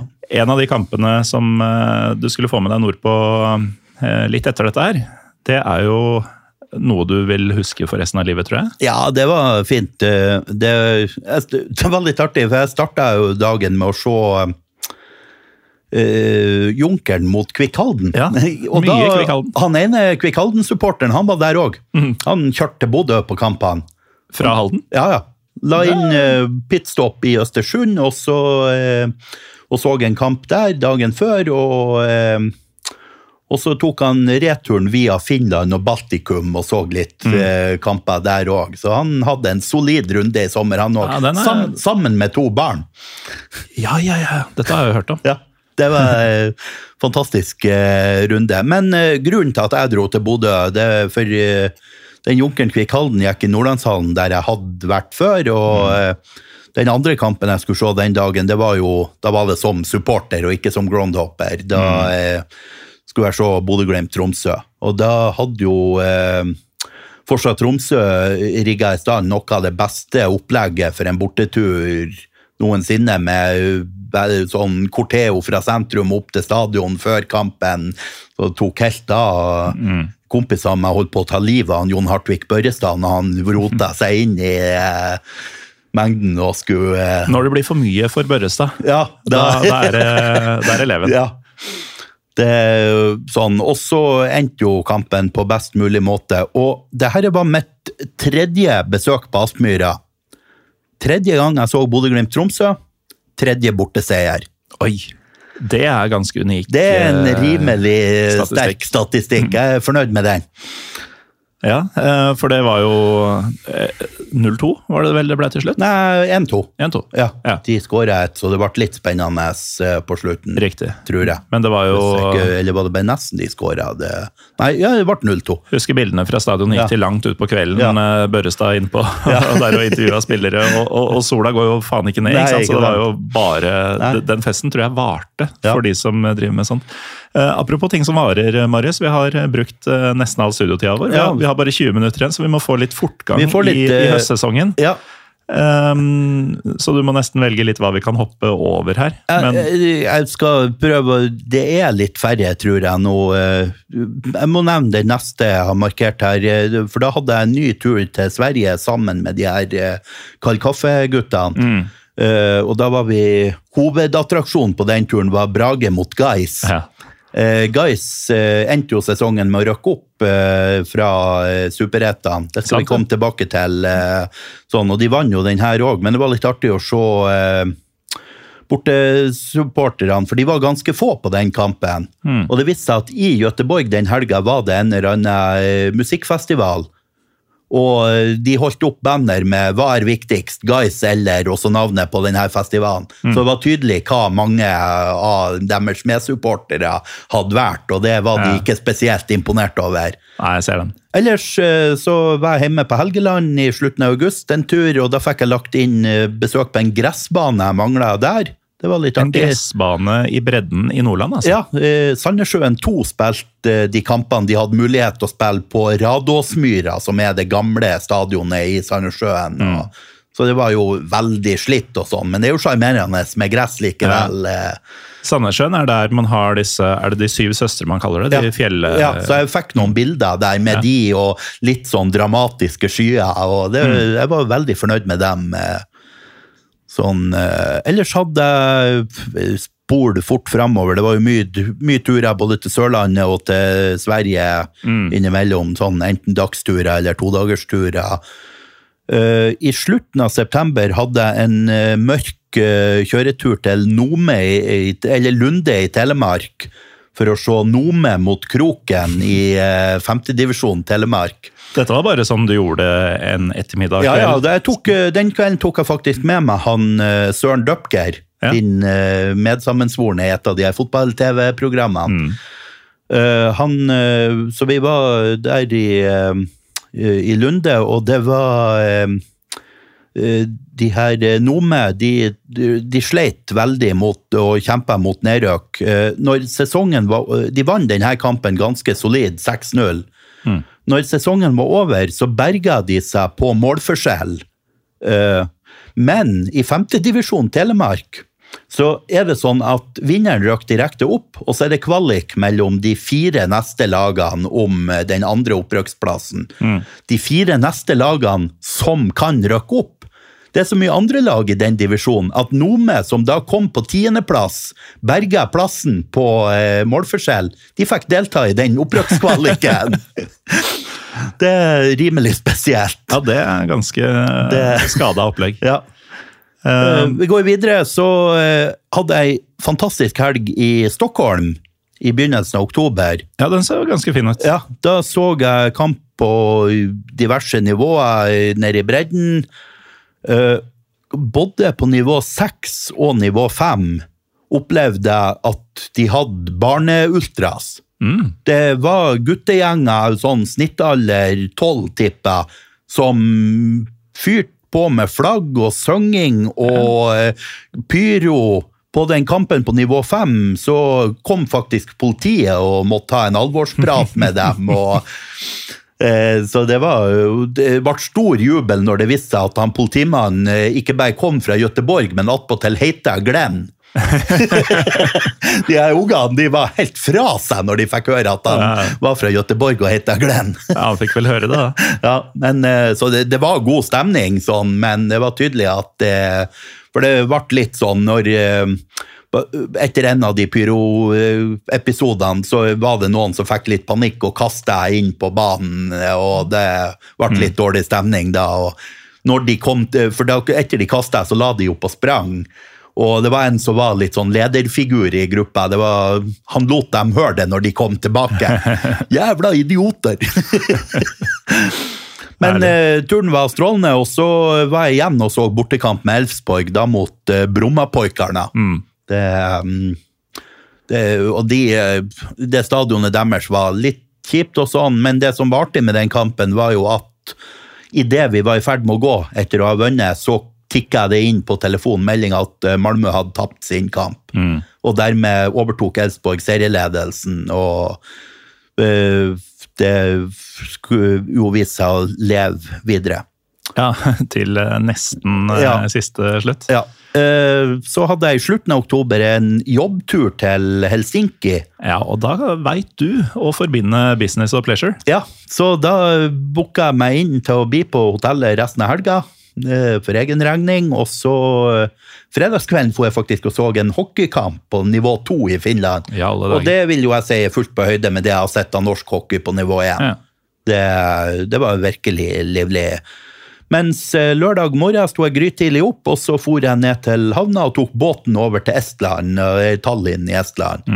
Fikk lagt inn tre kamper der i rask rekkefølge. Jeg gikk glipp av de siste minuttene av alle tre, faktisk. Eh, De to første for å rekke den neste, og den tredje måtte jeg dra litt før for å rekke båten tilbake til Tallinn. Men da var det kamper på nivå fem, fire og én, og eh, og jeg var glad at jeg For det hadde snødd ganske mye. Eh, Så eh, på den ene kampen jeg kom, så drev de og mokka banen, men den, den ble jo klar til jeg kom. Eh, Det viste seg at Flora Tallinn sin kamp samme dag, den var flytta fra nasjonalarenaen og ut til den stadion jeg skulle på senere på dagen, som var kunstgress. Så, så jeg var jo glad jeg hadde den banen fra før, og det ikke var derfor jeg skulle dit, for det ville jo ha vært litt bittert. Ja. Eh, og så så jeg en kamp eh, en litt annen plass i byen, og så var det da den her Sportland Arena som ligger rett utenfor nasjonalarenaen, og så en kamp på nivå 1. Og det var spennende eh, hele veien, og på alle nivåer, sjøl om nivå 5 og 4 i eh, i eh, Estland, det er Relativt lavt. relativt eh, tynn suppe. Um, da er det blitt eh, november. Det er blitt eh, november, og da for jeg igjen. Denne gangen var det kun han Mattis fra Kald Kaffe som ble med meg på roadtrip til, eh, til Sverige. Vi kjørte til Jönköping for å se Jönköping Södra mot Guys. Og det var da kampen der Guys med seier ville rykke opp. Eh, De vant, det ble banestorming. Det gjorde at uh, Mattis hadde plass på en annen tribune enn meg, så i stedet for å måtte gå rundt hele arenaen for å finne meg, så kunne han bare gå, gå sånn diskré tvers. over banen. og så kom vi oss ut og kjørte videre til Borås for å se Elfsborg mot eh, Degerfors, som var kampen der hvis Elfsborg vant den, så vant de allsvenskene. Ja, og det var her uh, ting snudde. Der uh, klarte de bare uavgjort mot Egerfors. Uh, det gjorde jo at begge lagene lå strødd og var knust etter kampen. Eh, Elsborg hadde mista sjansen til å eh, avgjøre det hjemme. Degerfors røkka ned, for de var avhengig av seier for å berge seg. Så, eh, så det var eh, litt kjipt sånn. Det var for øvrig første gangen eh, jeg så eh, min andre kamp på et stadion i utlandet. Det var Så nå har jeg liksom gjort det, så da, kan jeg, da behøver jeg ikke å tenke på det mer. Nå kan jeg gjøre det uten problemer, hvis det høver seg sånn. Men Degerfors sitt nedrykk betyr at uh, i Superettan neste år så dukker uh, i anførselstegn derbyet mellom dem og Ørebro opp igjen. Ja. Eh, det kan være verdt å Det kan kikke eh, på. absolutt være verdt å ta turen, for det, det er en kamp med mye følelser. Mhm. Eh, hvis vi hopper litt, eh, Marius, så er vi i eh, midten omtrent av november. Ja. Og Er det en jobbtur, eller eh, hva er det som bringer deg til Wien? Nei, jeg vil først nevne den Rogalandsturen min. Ok. Eh, bare helt kort, fordi at jeg tok en, en meget kort tur. til Jeg fløy over fredag ettermiddag og så tilbake lørdag eh, kveld til Stavanger. Eh, og så eh, fredag så jeg Rosseland, som hadde et syltynt håp om opprøk. Dette er jo en klubb som eh, de som har fulgt eh, Nils Henrik Smith på Twitter og eh, har hørt om, garantert. Og det var òg en artikkel i et tidlig nummer av Josimar om dem. Eh, sånn, eh, de er litt sånn bohemklubben på Bryne.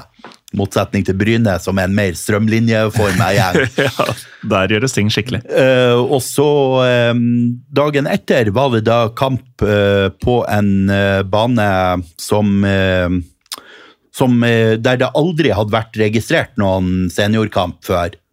Eh, så da var det en god del av Rogalands groundhopper-miljøet som dukka opp. Og det minner meg på en kamp jeg hadde glemt å nevne, så vi må faktisk hoppe litt tilbake her. eh, Ja, Vi har ti minutter på oss, Marius, Ja, så nå må det. du velge med omhu her.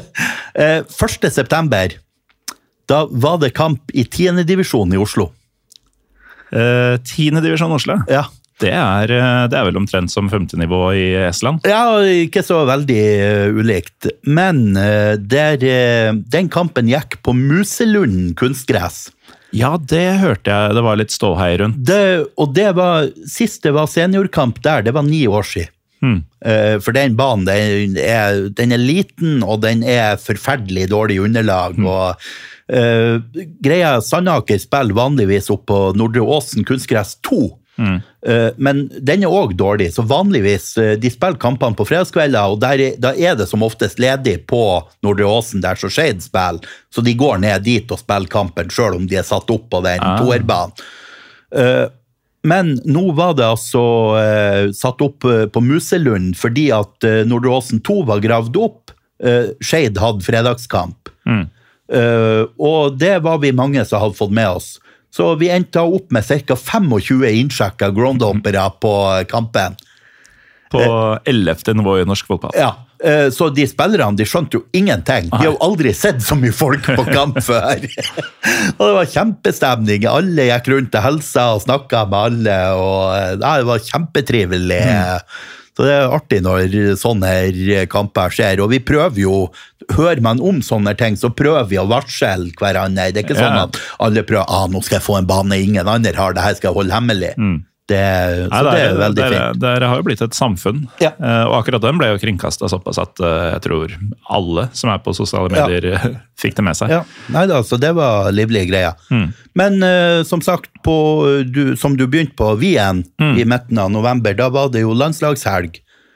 Eh, så da fant jeg ut jeg må fære en plass der det spilles fotball, jeg fært, og jeg ville helst ta det fra et, eh, fra et nytt land. Eh, og Østerrike hadde jeg jo kjørt igjennom i sommer. Jeg hadde jo mellomlanda der eh, flere ganger òg. Jeg hadde vært der med et korps en gang, og, men aldri sett fotball der. Nei. Så jeg for til Wien uh, og så kamper på Jeg hadde lagt opp en plan, så var det jo nok Der òg drev jo vinteren og gjorde sitt inntog, så det var noe som ble avlyst og flytta, og så dukka det opp en uh, cupkamp, en uh, damecup. Så jeg så eh, en kamp eh, på nivå fire fredag kveld når jeg kom. Der hadde de noen fantastiske svinekoteletter i mm. Union Berlin-style. ja, så det var helt strålende. Jeg satt og spiste det i pausen og litt i starten av andre omgangen. og så eh, så jeg eh, på lørdagen eh, starta jeg òg med en kamp på nivå fire, litt eh, nærme byen. Jeg bodde litt utfor eh, litt utfor sentrum. Eh, og så avslutter jeg lørdagen med å se Wiener Sportklubb Frauen mot SK Storm Graz Damen. Damen. Litt spesielt at det ene er Frauen og det andre er Damen, eh, men det var Ja, så det- konsekvent at de brukte på eh, sine respektive hjemmesider. Så Ja, nei, men altså Man har jo noen eh, i Norge kaller seg jo kvinner og andre damer. Ja. Så det blir jo litt samme ja, opplegget. Ja. Eh, det, var for, det var en kjempeartig kamp. sånn. Det, det var jo nivå to mot nivå én, og det var aldri tvil om at Storm Graz skulle vinne. Men hun, keeperen til eh, de her Vinner Sportklubb hun sto sitt livs kamp. Altså, Selv om de tapte 4-0, hun gliste fra øre til øre etter kampen, for hun visste hvor jævlig bra hun hadde gjort det. Ja.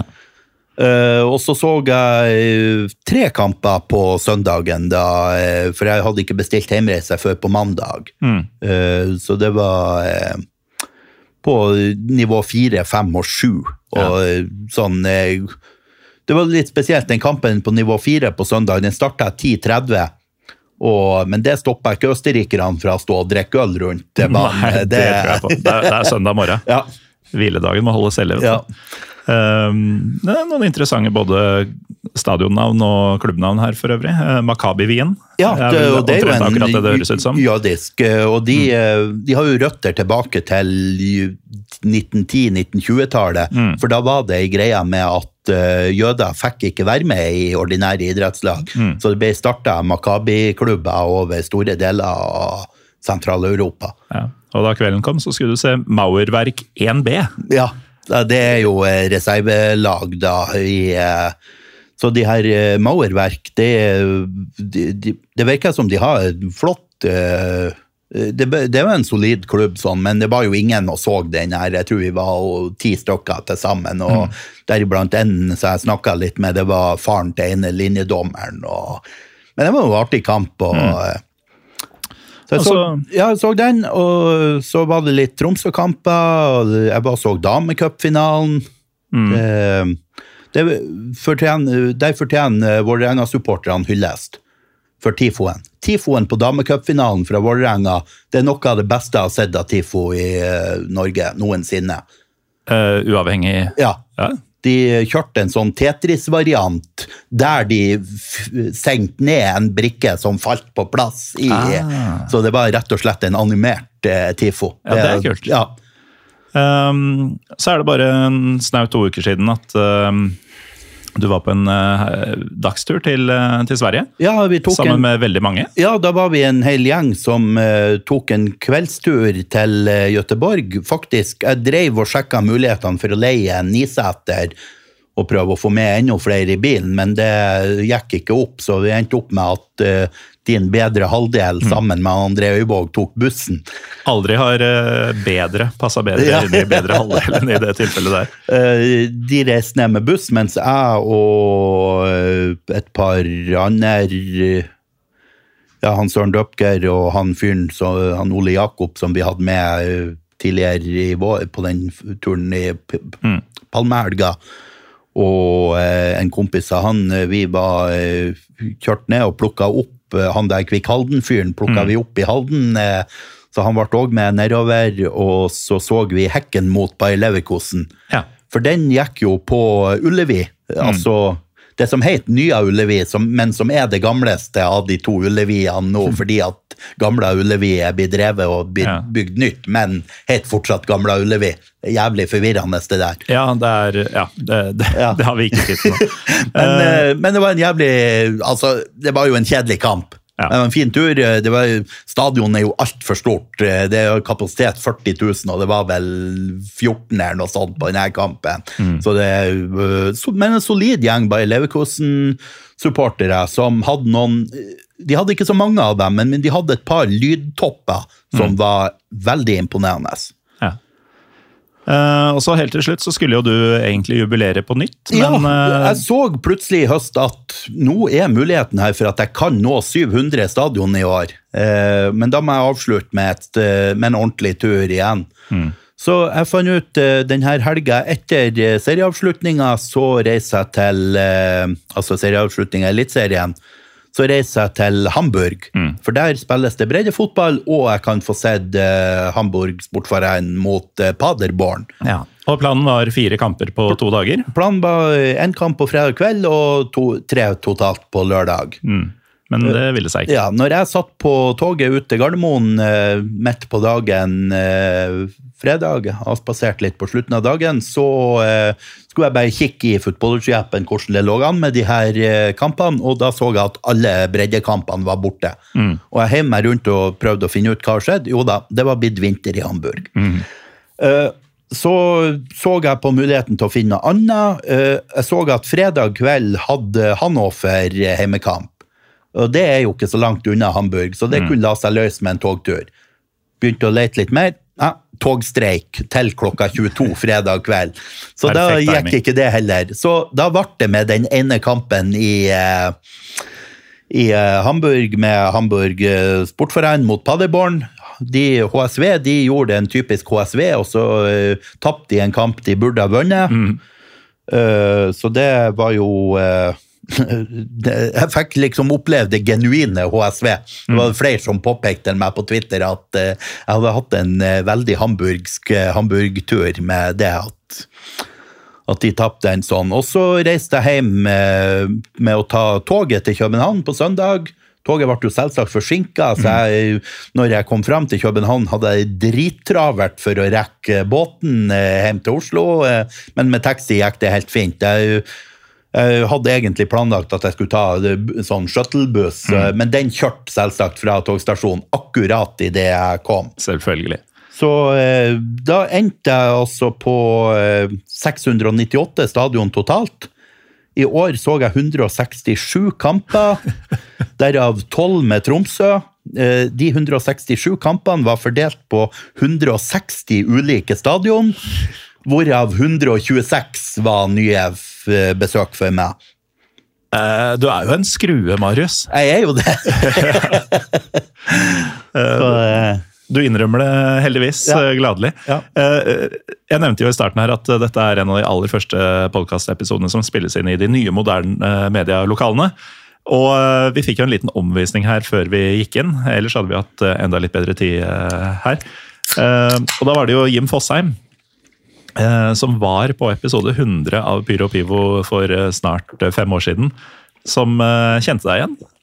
Og takka for sist, holdt jeg Ja. på å si. Godt å se deg igjen. Var det, var det trompet? Ja. Han er ikke den første som eh, Nei, For eh, det at du er en type og en karakter, det, det er ikke noe nytt. Det, sånn har det alltid vært. Eh, det var jo da du starta rett og slett Pyro Pivo 100 live-showet med å gå inn på, Ja. På scenen og spille en fem-seks minutter lang medley på basstrombone med fotballsanger. Ja. Det var den gang, og her er vi nå. ja. Eh, apropos eh, live i Oslo, så må jeg jo nevne igjen at eh, billettsalget er åpna for eh, episode 300, som eh, da gjennomføres på Jungs i Oslo eh, onsdag 17. januar. Dan Eggen er klar, jeg er klar, flere kommer til å bli klare. Så hvis du også er klar, du som hører på, så gå gjerne inn på våre sosiale mediekanaler for å få billettlink, eller bare spør meg. Så får du også billettlink. Eh, Uansett, eh, takk Marius Helgaard for at du atter en gang kom og delte av Um, ja, et utdrag av dine mange hundre fotballkamper i året som gikk. Nå bærer det snart nordover igjen, eller? Ja da, det er tirsdag 19. skal jeg kjøre til Trondheim over natt, og så fortsetter jeg hjem den 20. Ja. Og da blir det grøt og Da blir det grøt på julaften. Mm. Nydelig. Eh, takk igjen for at du var med, og god jul når den tid eh, kommer. Eh, takk også til deg som hører på. Mitt navn er Morten Galaasen. Vi er PyroPivopod på Twitter og Instagram, og vi er tilbake med en ny episode før du vet ordet av det.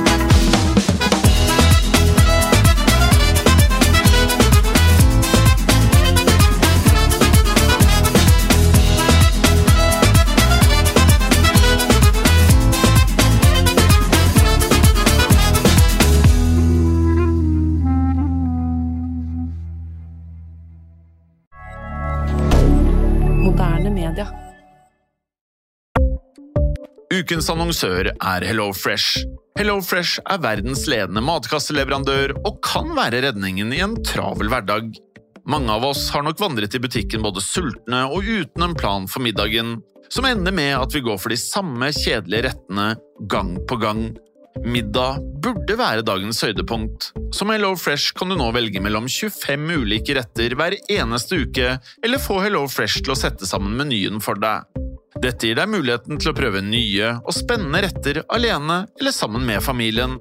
Du velger antall porsjoner og får alt levert på døren på et tidspunkt som passer for deg.